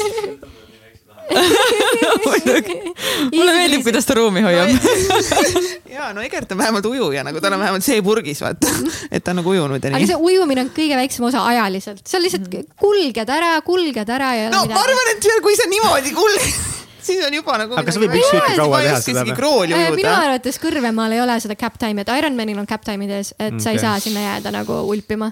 aga minu arust Kõrvemaal nad ei pane kätte. teeme rahulikult. ja kuna, ja kui te tulete nagu, kui te tulete projekti raames, siis ma arvan, et teil saab teha mingisuguse. oota ja me eri... oleme teiega samas tempos. ja me tuleme nagu, kõik koos. mis asja me tuleme kõik rahulikult seal, ei ole hullu.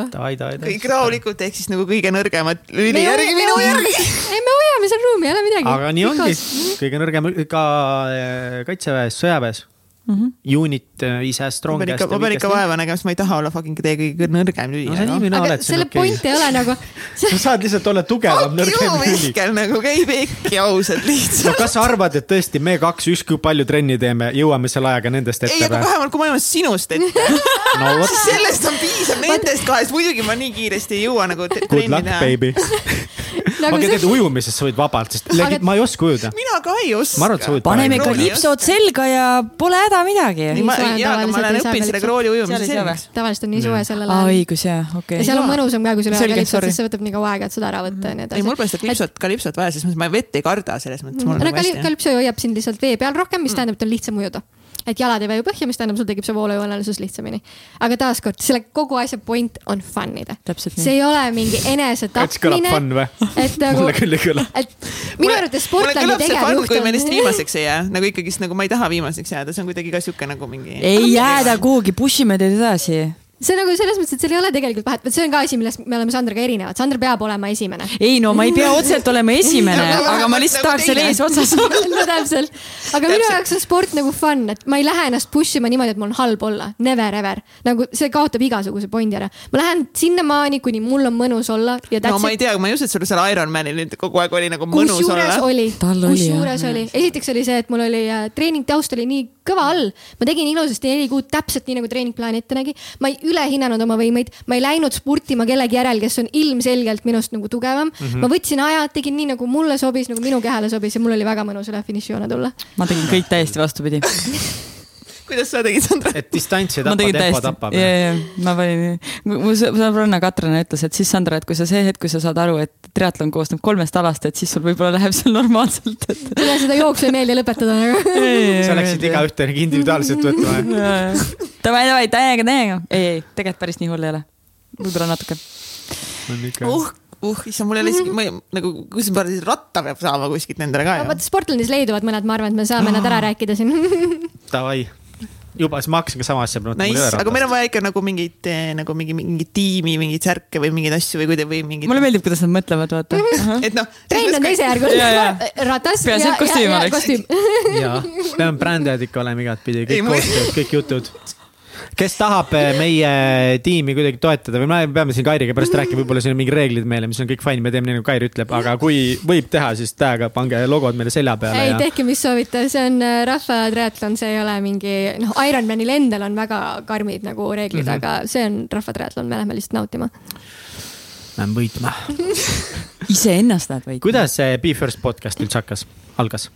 Kairi äh, no ma olen äh, Sportlandi sotsiaalmeediastrateegiaid teinud nüüdseks üheksa aastat ja iga kord, kui tuleb uus platvorm, siis ma olen nagu, et okei okay,, et nüüd tahaks sinna minna. kuidas me sinna läheme?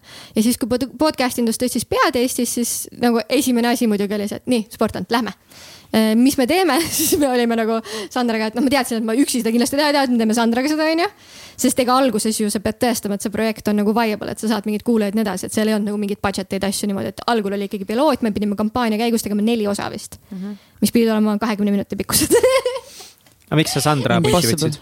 jah, miks te Sandra punti võtsite? Come on, vaadake teda nagu sa oskad suurepäraseid küsimusi küsida, sa oled väga hea kuulaja, sul on it. nii hea energia. Kes siis veel, kui mitte tema tegelikult ma, ma, ma saan aru, see oli suht loogiline otsus küll vist, et äh, ma lihtsalt olen sportlangi nii palju asju koos teinud, et äh.... ja ma tean, et kui mingi hullus, millel on vaja jah, siis ma olen Sandra. ja, ja, ja kõik Kairi juba tuleb niimoodi, et kuule, mis sa arvad ja kas jah no ja lihtsalt lähme, jah. et sealt see sündis põhimõtteliselt ja kuna esimesed osad läksid nii hästi, siis otsustasime, et jätkame sellega, kuna miks mitte mm. -hmm. et ta täidab oma eesmärki ja eesmärk oligi lihtsalt see, et Sportland teeb koostööd nii ägedate inimestega, nii ägedate inimestega ja see ei tule ju pildilt esile, kui palju on tegelikult selle inimese taga nagu. et meil oli vaja võtta pikem äh, formaat ja rääkida nendega päriselt, et äh, sellepärast ka tänase hetkeni meil podcast'is käivad eeskätt ikkagi inimesed, kes on Sportlandiga seotud, kes ongi kampaania näod, kes on sportlased, keda Sportland sponsoreerib ja nii edasi mm. -hmm. Versus siis meie kaks tilbekest. no me, me lihtsalt mõtleme proaktiivselt aa, uh, jah, ei, vabalt. aga mis, enne rääkisime ka, et mis sa ütlesid, et sada mingi nelikümmend episoodi on salvestatud juba või? no meil on praegu laivis, teie oma oli viimane, sada kolmkümmend kuus siis on ju ma ei tea, millal see eetrisse läheb, et siis on täiendavad juures ja meil on mingi kaks tükki on praegu salves ja see nädal me oleme neli salvestanud ja kaks on täna veel ossa raisk uh,. nii et. väga tegus nädal. no meil on see, et Sandra läheb puhkusele, siis lähen mina puhkusele ja siis mm. meil on vaja terve hunnik ette teha. me teemegi tavaliselt niimoodi, et kaks tükki päevas, vahepeal kolm, siis kui Sandra booking utega pekki paneb. Äh, ja kaks korda kuus, et me teeme nagu kuu ette ära mm -hmm. ja siis, ja siis põhimõtteliselt jah. kas teil on mingi rollide jaotus ka nagu kuidagi mm, -hmm. et mis, mis vastutus, kes mille eest vastutab? no Kairi teeb äh, sotsi, äh, mina teen peamiselt booking uid siis jah, äh, suhtlen külalistega, lepin need ajad kokku ja siis küsimuste ja asjad me oleme omavahel ära jaganud, et mõnikord teeb üks küsimused, teine, teinekord teine, teine äh, jah, ja siis ja meil on ka kuidagi see hästi orgaaniliselt, et, et kuule, et äh, ma tahaks tema küsimused teha, et kas see on fine, vaata, et oh, ma, ma nagu resoneerun rohkem selle teemaga, et ma sellest asjast ei tea väga midagi, et tee sa need küsimused et see on kuidagi niimoodi hästi jah, loogiliselt läinud. ja praegu on nagu lust ja lillepidu seda podcast'i teha, sest esimesed osad olid ju see, et sa pidid ise lõikama, sa pidid ise oh, helindama, sa pidid ise kõik asjad tegema, onju, et täna on nii hea tegelikult, et meil on ju tiim ka taga, et äh, Patrik salvestab ja, ja Märt aitab kõikide kaamerate asjadega, et siis on tegelikult lust, et alguses oli ikka, no ma, ma kirusin seda arvutit, ma Kalmeti osa lõikasin kaheksa tundi. sest tegid? ma tõstsin asju ümber, et nad oleks loogilisemad ja paremad. ma lõikasin õhku välja, ma lõikasin kõike välja, sest noh, perfektsionist minus on ju, ma ei suutnud sel hetkel. täna ma isegi ei kuula neid osasid üle nagu läheb, läheb nii nagu ta läheb, aga sel hetkel oli esimesed osad veel eriti, kuna ma tundsin, et see on nagu väga nagu minu vastutusel, et mina ütlesin, et me peaksime seda tegema. nii et mina pean olema võimeline tegema nii, et see ongi be first on ju.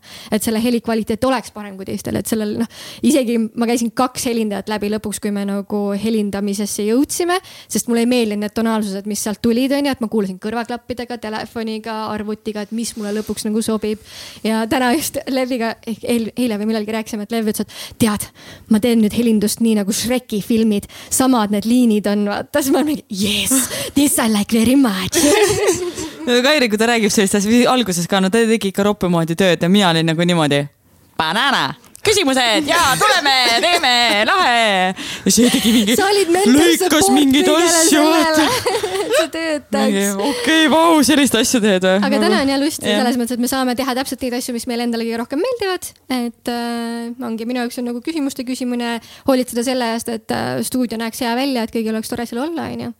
et siis mm. -hmm ja noh, sots tuli ka nüüd juurde, et seda me hakkasime ka tegema, et kui te ei teadnud, siis jah, Be First podcast'il on nüüd Instagram lõpuks. minge followge kõik ja ma saan aru, et siis teile väga ikka nüüd nagu täiega meeldib intervjuusid teha. väga meeldib. Ja ma arvan, et äh, sellest ongi see, see, et ma hakkasin podcast'i tegema, on ka üks põhjus, miks ma läksin äh, kooli õppima, sest et ma tunnen, et ma tahan, see on midagi, millega ma tahan kindlasti edasi, edasi liikuda, et see on, see on nii äge, sa saad nii paljude lahedate inimestega, come on, te teate isegi seda ju. Et noh, never ei, muidu ei oleks võimalik kohtuda nende, nende inimestega, et, et lihtsalt nagu see brain picking, mis sealt tuleb, see on rets mm. -hmm. ja see know-how on meeletu ja noh, minu jaoks on ka väga hea sihuke väljakutse, et et rääkida võõraste inimestega, suhelda nendega regulaarsel baasil, on ju. Mhm. et see on alati nagu push ib enda piiri ka, et, et ja just see kuulamisoskus ka mm. -hmm. aga miks sa, Kairi, otsustasid muidu kahekesi nagu seda teha, sest väga paljud ikkagi on üks nagu läbiviija? ma ei tea, mulle tundus, et see sünergia on parem, kui me nagu, võib-olla on lihtsam mm -hmm. ka koos teha tegelikult. kindlasti on. et, et sa vahepeal tegid siin üksinda. ja, ja, no oligi. Need olid, sa olid, sa olid väga, väga head olid need. no oli, ma pidin kaks tükki üksi tegema, sest keegi oli meil siin karantiinis vahepeal onju. ja siis äh, esimesel ma üritasin teha täpselt samamoodi nagu me oleme alati teinud, mis tähendab, ma teen märkmeid ja nii edasi. ma avastasin, et ma ei ole võimeline märkmeid tegema, kuulama korraga, et it's not doable nagu, et ma pean millestki loobuma. nii et kui me Jüri Pootsmaniga tegime, siis ma viskasin selle kuradi küsimused ja kõik asjad viskasin sellest aknast välja, lihtsalt kuulasin ja olin temaga vestluses. et see minu arust tuli väga hea välja. esimene, mis ma üksi tegin, natukene rabe lihtsalt sellepärast, et ma üritasin multitask ida samamoodi nagu meid oleks kaks, not doable nagu mm. -hmm et ma arvan jah, et, et just seega, et me oleme nii nagu sarnased, samas erinevad, et see kuidagi nagu täiendab ka seda podcast'i. see on nii naljakas, et mingi küsime nagu sarnaseid küsimusi juba, et, et umbes, et mina hakkan küsima ja siis Kairi, olen juba, ma ju tean, okei okay,, siit tuleb see küsimus niikuinii, mis ma tahtsin küsida, et see on päris lahe. ja ma saan aru, et Sander hakkab siin varsti mingit uut podcast'i ka tegema siin ennem nagu vaikselt nagu oh,. Nagu... issand, ma, ma. ma ootan seda, ma ootan kui seda pikka aega. kui mu juhendaja praegu kuuleb, siis Marju, palun anna andeks, ma pole sulle kaks kuud vastanud see lihtsalt võtab aega, see on lihtsalt, noh, see, see on hoopis teistsugune formaat, mida ma, mida ma teha tahan ja see lihtsalt mm. võtab aega ja, ja see ikkagi veits see perfektsionism minus ka.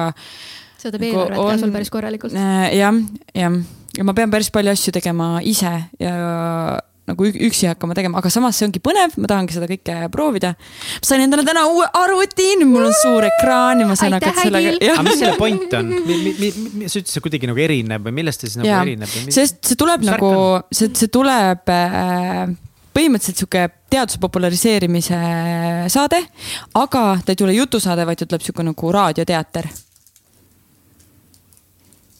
sa võid mõne ingliskeelse wow. näite olla siis äkki on äh,? ma põhimõtteliselt baseerun selle, sellisele podcast'ile nagu Science Versus äh, mida ma väga-väga soovitan kuulata, hästi lahe tehtud naala niimoodi, et sul on intro, siis sul on mingi heli, siis sul on mingisugune intervjuu osa ja siis sul on nagu, mingid sammud mm,, siis sul jaa, on jälle intervjuu osa, et nagu hästi-hästi produtseeritud, et äh, et jah, et aga mul on, selles mõttes on tore, mul on üliäge juhat-, juhataja juhendaja, kes hästi palju mind aitab selle just toimetamise poole pealt. ja nüüd, nüüd on lihtsalt nagu pall on nagu täiega minu väravas, ma lihtsalt pean pihta hakkama, mul on saadet, mul on teemad, kõik on välja mõeldud juba, mhm. et lihtsalt nagu, nagu. salvestama pead hakkama? jaa aga ma lihtsalt saan aru ka, miks ma seda praegu ei tee, lihtsalt asi on minust tuli vahele, pluss ma olen lihtsalt nagu nii väsinud praegu. ma lihtsalt tahan selle puhkuse ära teha ja siis tulla tagasi ja siis ma lihtsalt tean, et see, see energia on nagu hoopis teine, mul lihtsalt aju ja aju nagu brain power'it ei ole. ülilahe teekood on juba seda podcast'i. aga me teeme Be First'ile ka natuke tei-, natuke teise asja kõrvale. ja sa võtad, üks täiendav formaat tuleb siis mm., mis on mm. rohkem äh, spordile suunatud, kus siis Sandra on meespartneriga tõenäoliselt, kes siis äh, räägivad hardcore'ilt spordist et jah, nagu spordialade põhiselt, et, et sellest, et.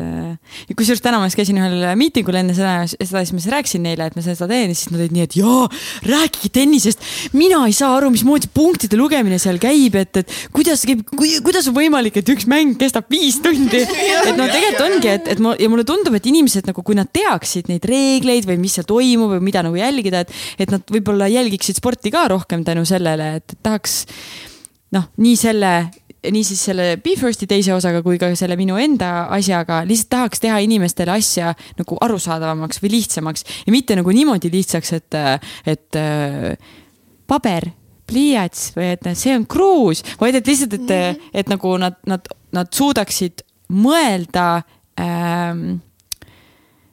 kuidas ma ütlen seda? ühesõnaga, davai, lihtsalt lihtsamalt teha. jah mul jooksin täiega selle, see ei olnud üldse hea metafoor praegu. Lähme liigume edasi aga mida te üldse õppinud olete, mis on nagu need õppetunnid olnud ja mingid väljakutsed ja taipamised saja, pea saja neljakümne saatega? karta ei tohi, kõik on inimesed. nagu kõik on inimesed ja, ja me ikka kipume nagu ide-, idealisee-, idealiseerima ide,, jah, on see sõna, on ju. Äh, inimesi, kes on kuskil nagu mingisugustel kaante ajakirjade peal või mis, mis iganes, teevad mingeid asju, mõtleme, et oo oh,, et nad teevad sellist asja, mina ei suudaks mitte kunagi seda teha. Nad on täpselt samasugused inimesed nagu teie. Nad ärkavad hommikul üles, nad käivad vetsus, nad söövad, nad äh, nutavad, nad naeravad äh,, neil on valus, nad on õnnelikud. kõik on sama. ja see on nagu värskendav tegelikult pluss tore on äh, mõelda selle peale, et kui ma kunagi äh, Tanel Padarit vaatasin lava peal, mõtlesin ja siis nüüd ma saan temaga podcast'i teha ja siis on küll nagu sel-, need on need sellised hetked, kus on niimoodi holy, holy guacamole, okei okay., nüüd ma olen siis, nüüd on siis selline päev jah, selge mm. -hmm. mis on sinu taipamised, Kairi? ma arvan, et selle jaoks, et nautida asju, sa pead jätma alles need asjad, mis sulle pakuvad rõõmu ja kõigest muust loobuma, et see on üks asi, mis mul kindlasti selle podcast'i tegemise ajal nagu äh, vilgatas pähe nii-öelda. ja teine asi, mis mulle väga meeldib, on see, et ongi, et kui minul on näiteks äh, olnud loovalt väga-väga raske päev või üldse midagi on nagu väga raske, siis ma saan alati kommunikeerida seda, et äh, et sa täna nagu, sa mhm. võta nagu ohjad, onju, et siis on hästi tore, kui on sihuke partner, kes nagu kuulab mm, -hmm. et davai I got this nagu. see on jah päris lahe, et lihtsalt nagu sa näed Kairi näost ära, see on nii, et, et ütleb sulle, et kuule, täna sina juhid, ok, selge, jah, ja nii ongi. ja mis te inimeste kohta veel õppinud olete? vot see on, nagu näed nii palju inimesi, kas hakkad nägema mingeid mustreid, oskad lugeda paremini, aru saada, mis seal taga on? üks asi, mida ma täheldan kuidagi meie külaliste puhul on, et tegelikult me võtame ikkagi ju be first mentaliteediga inimesi, mis tähendab, et meie nii-öelda arusaam on võib-olla limiteeritud või piiratud, et meile tunduvadki, et inimesed ongi kõik nii võimekad, ma ise armastan hästi palju kuulata kõrvale nagu hoopis teise maailma podcast'e et täiendada oma vaatenurka, onju, sest äh, vahel võib tunne võib-olla jääda meie külalistest, et. Äh, siis sa kuulad mingit pilest podcast'e? ütleme, et ma kuulan meie Life sucks. meie natukene lame maailma inimesi võib-olla ja. kas sa oled hakanud Joe Roganit ka kuulama? ma kuulan, ja ma kuulan isegi Joe Roganit, et puhtalt selle jaoks, et oma maailmavaade avatuna hoida, sest vahel ongi see, et sa oled ju oma mullis mm -hmm. nii mhm. kinni. Äh, sa arvad, et kõik inimesed mõtlevadki nii, kõik näevadki maailma täpselt samamoodi, onju, et sellepärast ma kõrvale võtan. reaalselt eile ka jalutasin ja kuulasin mingit väga huvitavat Eesti podcast'i, kus äh, käis üks meie siin ma ei taha ta nime öelda käis külas ja rääkis oma maailmavaadetest, et väga huvitav oli kuulata mm -hmm. ja mhm. pani nagu ennast mõtlema, et, et mm. et kas ja mis võiks seal tõsi olla ja noh, analüüsida, et see on hästi-hästi põnev. Vau, ma olen nii impressed, et äh, sa reaalselt võtad aega selle jaoks, et sind, ma olen mitu korda juba sind saates, võib-olla teie saates, ma ütlesin ka nagu, et. et üks minu missioon oleks ka võib-olla kuidagi, et inimesed nagu rohkem oleksid valmis kuulama üksteist ja kuidagi nagu. ongi lihtsalt, paneme kahega selle peale, mõtleme, mõned inimesed mõtlevad nii teistmoodi kui sina, et nagu, et sa ei saa kinni olla selles maailmas. kuidas ainult nagu sina mõtled, isegi, et sa ei pea nagu uskuma, sa ei pea nõustuma. aga lihtsalt nagu tee korra silmad lahti ja vaata ja proovi mõelda, et miks võib-olla mingid inimesed täiesti teistmoodi mõtlevad, et noh lööb ikka vahepeal nagu täiesti maailmapildi sassi, kui sa kuuled nagu, kui teistmoodi, kui palju inimesi mõtleb. aga see on hästi huvitav ka, sest mina olengi pannud Instagramis näil kaks inimest, keda ma jälgin, on ju. ja kui nad jagavadki teadusartikleid, hästi põnev ongi sukelduda nendesse teadusartiklitesse, vaatad, mis mm -hmm. nende taga on ja kas päriselt äh, on seal tõepõhja või ei ole, on ju, et see, et sul on teadusartikkel, ei tähenda ilmtingimata, et nii ka on, on ju, aga sa ei saa sellele kunagi, sellest kunagi kindel olla, kui sa ei ole seda materjali ise tarbinud, nii et mulle Joe Rogan sellepärast just väga meeldibki ka, et tal käivad samamoodi, et nüüd tal oli hull poleemika oli kogu selle koroona mingite sõnumite pärast, mis ta välja andnud on. aga reaalsuses tal oligi, tal oli noh, ülilühikese aja jooksul olid nagu mõlemast leerist hästi kõva taustaga teadlased olidki need, kes olid nii-öelda nagu noh, kuidagi justkui nagu meedia poolt väga nagu kinnitatud, hästi kuulsad teadlased olid need teadlased, kes suhteliselt nagu vastupidi arvasid. ja väga põnev on, aga see tekitab ühe suure probleemi võib-olla kuul enda jaoks nagu, et maailm läheb palju keerulisemaks.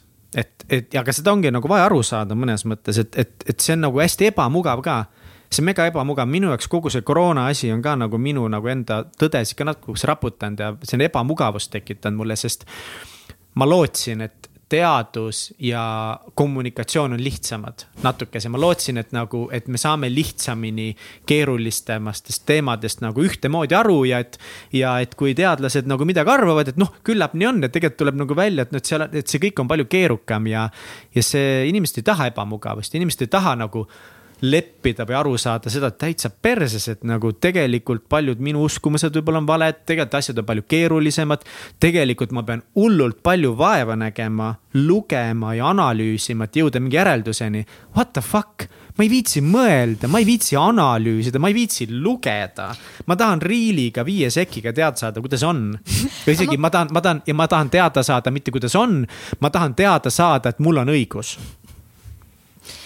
aga ma arvan, et see on täiesti okei okay ka, kui inimene ei pane seda prioriteediks, et surfata ja lugeda ja analüüsida, et ongi, sõltub prioriteetidest, et mm -hmm. kui sul on ikkagi kolm last kodus, siis mängi pigem nendega, kui et istu mingi teadusartiklites, et selle jaoks võta mingi sõbranna, kes on entukas, kes teeb sinu eest selle research'i ära ja siis jagab sinuga enam-vähem neid, seda know-how'd. et ma arvan, et ei ole võimalik, et me kõik reaalselt viime ennast sajaprotsendiliselt kurssi mm, -hmm. sest mhm. esiteks väga paljud inimesed ei tea, kuidas teadusartikleid lugeda ja nad ei taha ja mm -hmm. nad ei peagi et aga siis sellisel juhul peab olema ka vastuvõtlik sellele, sellele teisele poolele, et, et, et noh, see, seesama näide, et ma arvan, see on jumala õige, et kui sa ei ole sellest teemast huvitatud, siis pigem mängigi oma lastega ja panegi see fookus sinna. aga lihtsalt, kui keegi tuleb, ütleb sulle, et see on nii, keegi sõbranna, siis sa pead olema piisavalt tugev ja julge, et küsida, aga miks? kust sina tead kust sa tead, et see on õige ja kui tema poolt ei tule nagu seda mingit ammendavat vastust või et äh, Reelsist nagu viiesekundisest Reelsist nagu lugesin, on ju. sa pead lihtsalt olema valmis äh, mõtlema, et kas see, kas ma päriselt usun seda infot või see ei ole nii. või, või noh, või, või seal on veel midagi nagu taga, on ju. ja, ja nagu ega teadus on täpselt samamoodi, et teadus on, see on, see on konstantne innovatsioon, teadlased ei tea kõike mm, -hmm. lihtsalt äh, äh, see on suur julgus öelda, ma ei tea veel mul ei ole õrna aimugi ma, aga me uurime selle asja, me uurime selle välja. et, äh, et jah et see on nagu huvitav asi, mille sa, mille sa välja tõid, et. ja see miks on väga hea, seda ma nagu rõhutaksin kõigile, nagu vahet pole, mis osapoolt nagu alati miks küsida mm. -hmm. ja mida ma ise olen täheldanud hästi palju neid podcast'e kuulates on ka see, et äh, väga paljudel inimestel on suurepärane oskus äh, retooriliselt kõneleda hästi äh, teavad propaganda alustalasid. et võib-olla alati ka, kui sa kuulad inimest, siis täheldada neid asju, võib-olla endale panna natukene kõrva taha, sest see võib mõjutada seda, kuidas sa arvad sellest, et kui, kui tõepähe see info on, mida ta edastab, on ju. Mhm. et mõned inimesed väga enesekindlalt serveerivad mingit informatsiooni tõepähe, mis võib-olla ei ole tegelikult tõendatud.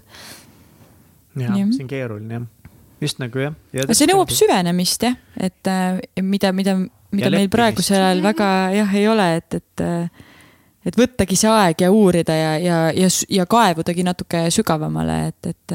et võib-olla ongi mingi hull suur teadusartikkel ja, ja teaduslikult tõestatud. ja siis lähed, loed seda valimit, valima mingi viis inimest kuskil, ma ei tea, mingis suvalises kohas, no see ei ole relevantne, vaata, see, see, see, see, see ei päde, et äh.... jah, see point on nagu väga hea, mis Kairi ütles, et kõik ei jõua seda, kõik ei taha seda teha, aga siis ongi kuidagi, et. no mulle tundub, et inimestel on nii raske lihtsalt öelda, et, et jah, et vau, ma, ma ei saa aru sellest mm. -hmm et ongi, et seda kuidagi raske öelda, et mm. ei, ma ei, ma ei, ma ei saa sellest hästi aru, ma ei mõista ja. ja, ja ongi, et noh, et aga siis sa peadki nagu leppima, et mõlemad pooled, seal on mingid tõed ja sa ei saagi nagu vastu möliseda no.. aga see, teate, ma ütlen ausalt, see on nagu, mina olen ise olnud see äh, inimene, kes on, ma olen kogu aeg arvanud, et ma pean kõike teadma, ma pean olema kogu aeg kõigega kursis. ja see hirm eksida on nagu nii suur, et sa lihtsalt nagu hämad ja ma ei tea, püüad nagu jätta sellist muljet, et oo, ma saan aru kõigest, mis toimub. aga see hetk, kui ma ütlesin endale, et okei okay,, see on okei okay,, kui ma ei tea neid asju, siis ma võtsin sellelt hirmult nagu jõu ära. ja see on nii vabastav lihtsalt öelda, et tead, mul ei ole õrna aimugi, ma ei tea. Aga ma ei tea, uurime, uurime järgi et sa ei pea nagu fake ima, et oh, ja, ja ma saan aru, mis siin toimub ja ma saan aru, ma nüüd ütlen kohe mingi intelligentse asja nagu, ütled ja, ei, ma ei tea. hästi huvitav, ma olen ka varasemalt nagu kuidagi, no ongi nagu noh, ülihea näide oli see, see täna, kui tulite, mis lühendit te kasutasite siin? see mingi see häälte tegemise asi. ASMR jah. noh, polnud õrna aimugi nagu, mida see tähendab, aga varasemalt ma oleks olnud lihtsalt nagu kuidagi nagu mingi noh Nad kaasavad. ja, ja see SMS, SMS. ja, et nagu noh, et kuidagi ei julge nagu tunnistada seda, et aa, et mis asi, mis asi see nagu on või et nagu et kõik teavad siis nagu mingi ja, ja, ja mm. -hmm. et kuidagi nagu ma olen ka endas harjutanud rohkem seda julgust, et nagu mingi, et aa, et nagu mingi, aa, et tell me more, et ma nagu ei teagi. et tegelikult nagu teistel ei ole kohe, issand jumal nagu mingi, no kuidas sa nüüd ei tea neid asju, onju. tegelikult nagu, aa, et cool, et nagu noh räägingi sulle lahti, mis asi see on, onju. tegelikult on endal peas nagu alati nagu see hullem see, et nagu issand jumal nagu, kuidas ma nüüd ei tea seda et see jah, see julgus. ja see on üks esimesi asju, mida ma Sassule õpetasin, Sassu on mu õelaps. Mm. esimene sõna, mis ma talle õpetasin, oli keskkonnasõbralik, ta sai sellega väga hästi hakkama. ja teine, teine asi on see, et kui, kui ma keegi küsib ta käest midagi ja ta ütleb, et äh, ma ei tea, siis äh,, siis ma õpe, nagu püüan talle seda nagu öelda, et, et, et ta ütleks, ma ei tea, aga õpeta mulle. ja see on nii äge, et, äh, et, et ja siis ta paneb selle teise inimese ka proovile, et vahest ongi see, et me räägime, et oot ja, ja, et see on fakt ja see ongi nii, aga no aga, aga räägi mulle, mis siis on ja siis see teine inimene võib-olla saab ise ka aru, et holy crap, ma vist tegelikult ei tea seda. võib-olla ei peaks edasi rääkima siis, kui ma tegelikult ei ole nagu sada protsenti kindel, kas see on tõene või mitte. aga mis podcast'e te veel kuulete üldse? tahad? Kairi kuulab hästi palju Eesti omasid, mina ei ole nii tubli, mina kuulan pigem, pigem nagu välismaa omasid rohkem Äh, jah, no mul on äh, professionaalne huvi, on ju, et ma kuulan ikkagi Eesti omadest enamustest ikkagi ühe ära, mis mul vähegi kuskilt silma jääb, on ju. Äh, Eesti omadest kuulama jäänud ma olen teie oma, Blondcasti mm, ja rohkem ma vist Eesti omadest niimoodi ei jälgi igapäevaselt või noh, iga kord, kui episood ülesse tuleb. aga ma kuulan Making Sense'i päris palju. Sam Harris't ja nüüd ma olen avastanud enda jaoks ka mingid Adweeki episoodid, mis keskenduvad mingitele teemadele, mis mulle väga-väga meeldivad.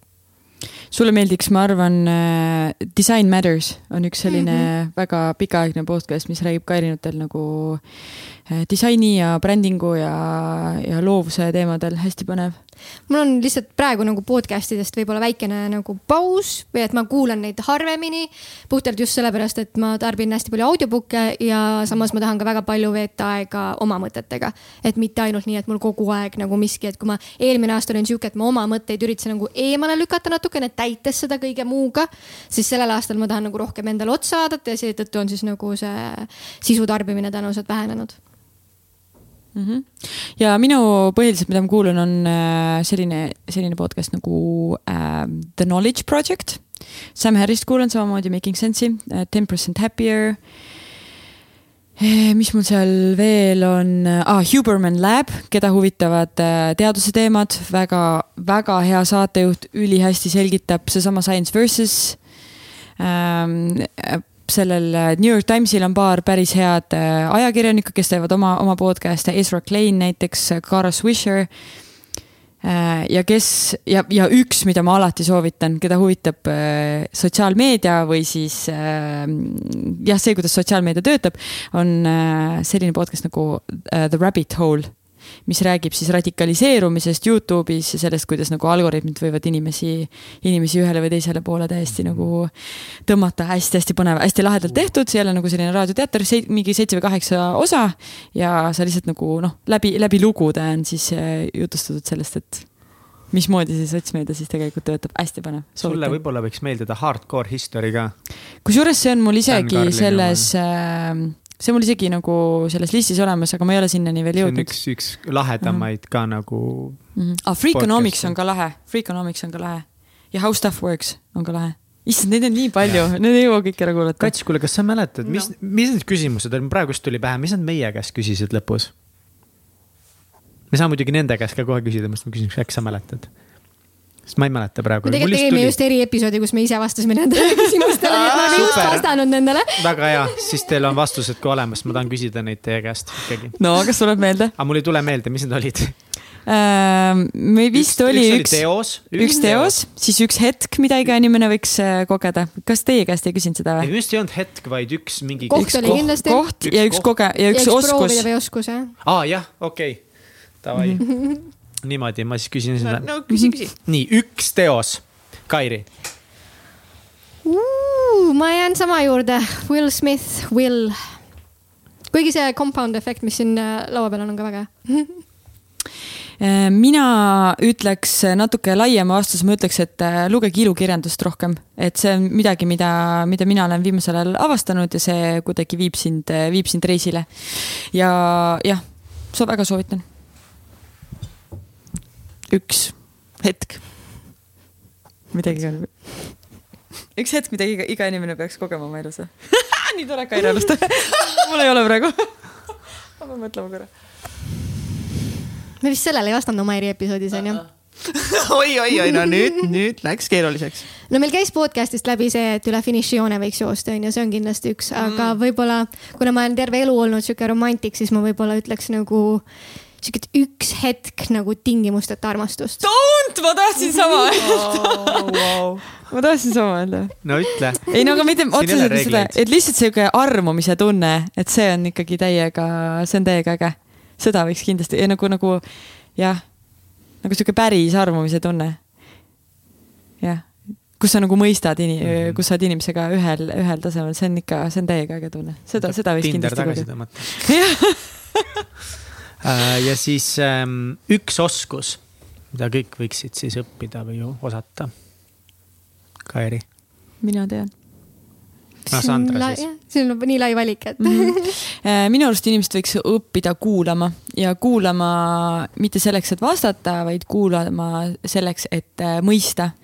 et, et kui sa kuuled kedagi, kes arvab teistmoodi, siis et sa ei taha lihtsalt teda kuidagi panna paika ja panna teistmoodi mõtlema, aga lihtsalt niimoodi, et okei okay, I hear you, ma võib-olla arvan natuke teistmoodi, aga ma püüan aru saada, et miks sa niimoodi mõtled. et ma arvan, et see, see kuulamisoskus on, on nagu, on midagi, mida võiks õppida. täiega sekundeerin. võib-olla üks asi, mida võiks veel õppida, on ähm, mulle väga meeldis, Josh Viinalas jagas oma story's hiljuti just, et äh, kui see asi võtab sult vähem kui viis minutit, siis tee seda kellegi teise heaks. ehk siis üksteise aitamine, üksteise jaoks olemas olemine, et äh, vahel tundub nagu me ootame alati midagi vastu, aga lihtsalt mõnikord võib ainult anda ka mm. -hmm. eks ju, õppida aitama. nii ilus, nii tore, meie aeg on ka kohe läbi. juba läbi või? juba ja. läbi või? Asja, me ei jõudnudki, ma tahtsin teiega tüdrukutega reisimisest rääkida ja värki no,. küsime need küsimused, siis üheksa minti on aega. ei, ma ei, ma ei hakka sinna minema, sest mis mõttes, nii ägedad reisid on ees, need on kõik ära rääkida nüüd. oota, ja seda, seda, seda me jõuame ja seda tegelikult me jõuame rääkida, et äh, ma tean, et siin äh, Kairi läheb ka reisidele Sain läheb hukkama just enne mind. no sa oled mingi vapšee, ma ei tea. okei no nii nii, kes kuhu läheb okei ma räägin kiirelt ära, sest minu oma ei ole nii huvitav. ma lähen New Yorki ja siis ma täpselt ei tea, kuhu ma veel edasi lähen sealt. Kauaks sa lähed? ma lähen kaheks nädalaks ja siis äh, kunagi suvel juba ostsime sõbrannaga piletid ära ja siis äh, esimene kord läks, lükkus edasi, sest et mul on koroonavärk. ja siis äh, kevadel lähen Hispaaniasse laagrisse, seda ma ootan ka väga. mis laager äh,? triatloni laager mm. -hmm see, see on killer nagu, räägi korra. ma nii ootan seda. see on nagu hommikul trenn, õhtul trenn. see on nii äge, issand, kui äge tunne see on, see, kus sa lihtsalt nagu, nagu lihtsalt nagu teed nii palju trenni, et sa oled lihtsalt nii väsinud ja see on nii hea tunne oh,. ma ootan neid mägesid, kus sa siis tahaks oksendada ja siis vahepeal oksendadki seal mäe keskel ja lihtsalt teed ära ja see on lihtsalt nii hea. oh my god, see on nii lahe, see on nii lahe, ei. Oh ei, aga see, see ei olegi healthy, aga sport või nagu tippsport või saavutussport ei olegi alati healthy, nii et mm. äh, vahepeal peabki sellises, kui sa teed seda, sa teed seda lihtsalt teadlikult, sa peadki push ima, sest et kui sa ei push'i ennast, siis sa ei arene lihtsalt ei ole mitte midagi teha. aga mis te push ite seal siis, millise graafiku? Push ime ratast, jooksu ja, ja ujumist peamiselt. aga peamiselt ratast push ime nagu iga päev siis kui palju? Hispaania mägedes, ma ei teagi täpselt, palju see kokku tuleb, ma arvan, et seal on sellised. neljatunnised otsad, otsad. seitsmekümne kilomeetrised päevad ja sajakilomeetrised päevad ja, et sealt tuleb ikka päris palju mahtu jah Mm -hmm. sa ei ole inimene sa oled ise teinud seda. ma ei ole, ma olen elus ühe korra sada kilomeetrit sõitnud. nagu reaalselt. aga kas kõik suudaksid seda, kõik suudaksid seda, see on lihtsalt äh,. tea, kas Hispaania mägedes, aga nii, aga sina lähed kuhugi mingi väga huvitavasse kohta mm? -hmm. ma see aasta ma olen otsustanud jah, et. sa lähed Jeerumisse ja, ja et Liisa ütles, et ma ei saa pärast seda ussa minna ja ei saagi. ongi nii jah? ja tuli välja, et ei saagi et äh, mina jah, praegu pean teist plaani ka juba, aga esimene plaan on siis siin märtsikuus loodetavasti kõik läheb plaanipäraselt, siis äh, Jeemeni väike saarekene nimega Socotra et lihtsalt kuna seal on kodusõda ja sinna läheb sellele saarele ainult korra nädalas üks äh, lennukikene, siis äh, finger, fingers crossed, et see on lihtsalt võimalik, aga jah, et tegemist on siis siukse unikaalse kohaga kus, kus üheksakümmend viis protsenti taimestikust ja loomadest on äh, unikaalne ainult sellele saarele. mitte kuskil mujal seda ei ole ja kuna Ühendemiraadid on praegu oma sõjaväega seal sees ja juba ehitavad infrastruktuuri, siis ma kujutan ette, et paari aasta pärast on seal rannal hotellid, mitte need taimed, mis täna on, nii et tahaks minna kiirelt ära vaadata, sest see ilu on see ilu, mis on nagu vau wow, lihtsalt jah, see on järgmine reis, aga suveks plaanin esimest korda siis lõpuks võtta ette ka Kanada. ma olen seda terve elu rääkinud, et sinna ma lähen ja nüüd ma siis äh, Banfi äh, National Pargi äh, ruute endale valin. nii et loodetavasti siis suvel on see ka ilusasti ees. see on see matkareis? see on, kõik on matkareisid ah,, Socotra on ka seal ööbid telkides, seal ei ole hotelle sellel saarel ei eksisteeri hotelle ega poodi ega midagi. välikäimla, pesed ennast kuskil striimis onju ja oled äh, telgiga jah, et äh, kõik need on. väga super, siis me vist eelmine kord arutasime seda, kui me seal Be Firstis käisime, et Sandraga või Sandraga. Kairiga võiks teha kindlasti saate, eh, personaalse saate siis, kui ta tuleb tagasi sellelt reisilt, et siis on nagu need. kas ma olen äh, elus ja kas ka... ma tulen tagasi, vaat pärast nagu on kidnapitud nagu kuskil, et aa, valge naine saab raha. nii põnev ja rääkidagi sinuga üldse rohkem, kas ongi nagu üksi reisimisest et sa oled nii palju nagu üksi reisinud ja, ja, ja, ja et nagu ülikihvt, kuidas siis on blondi naisena maailmas Aafrikas kogemusi olemas mõlemal lihtne vastus, it's awesome no vot, no vot, no vot, no vot. jah, kui sa oled, selles mõttes, et peab olema teadlik, ettevaatlik, et, et jah, ennast ise ohtu ei tohi panna. aga muidu on väga awesome. no nii. nii, siia löödi mingid asjad. kahjuks on äh, meie tänane saade saanud ruttu juba läbi. nii Nonii. aga siis võtame mingi hetk kindlasti võib-olla siin Sandra ka uuesti, part kaheks mm. -hmm, mm -hmm. Sandra hakkab valmistuma oota, millal sa New Yorki läksid? küsida on palju lihtsam. ei, ma ei tea Sandra ei tea, millal tema läheb puhkama. nii, oota, mis asja? Sandra hakkas juba. ma hakkasin juba tegema siin, ma tahtsin vaadata, mis ei siin saa, on. ei saa midagi vaadata veel. ja saate siis eh, mõlemad valida endale ühe raamatu, mille on eh, Mindseti poolt, et mis teid siit kõnetab, ma loodan, et ei ole võib-olla kõike lugenud. saan aru, siin Kairi juba siin seda kiitis eh, liitvõimendus ehk inglise keeles compound, compound effect, Darren Hardi raamat. selle vahel. hea kiire lugemine, väga mõnus siis mõtlemismuutujesse rikkaks naistele on siin teises valikus Mihkel lihtsalt ulatab mulle raamatu, sa võid ka ühe võtta, Mihkel äkki endale lugemiseks. Maxwelli mõtteterad igaks päevaks, kolmsada kuuskümmend viis soovitust enda, endas juhi arendamiseks ja teiste mõjutamiseks. John C Maxwelli oma ja kuidas saada asjad tehtud, how to get shit done. miks naistel tuleb loobuda kõige tegemisest, et kõike saavutada väga põnev. Kairi valis ruttu endale juba raamatu ära. hakkan üle kohvitassides ja visk, vihkama, viskama. ja siis äh, Robert Tiigeri Elu vägevaim seiklus Walt Disney Company siis äh, tegevjuhina viieteist aasta jooksul omandatud õppetunnid. mis raamat teid mõlemat kõnetab? nii, Sandra tahab valida kõike. mina ja ma vaat-, ma mõtlen, kas selle või selle vahel, sest et ma olen. selle siis, ehk siis liitvõimenduse ja siis äh, mm. -hmm. kas sa tead, millist kumba sa tahad?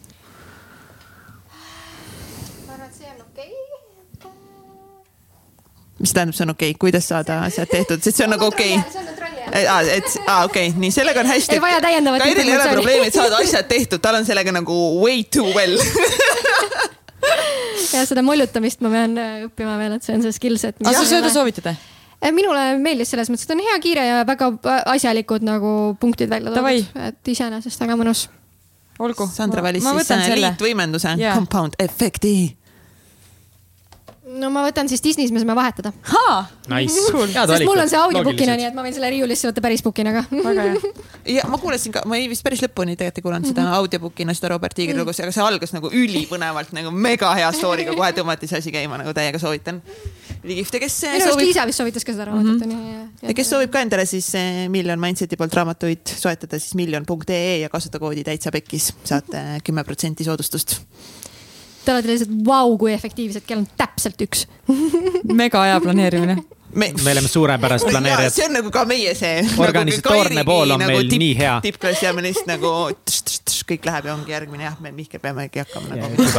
nii et äh, aitäh, naised, tõmmake minema siit ja tšau. aitäh. väga lahe, aitäh teile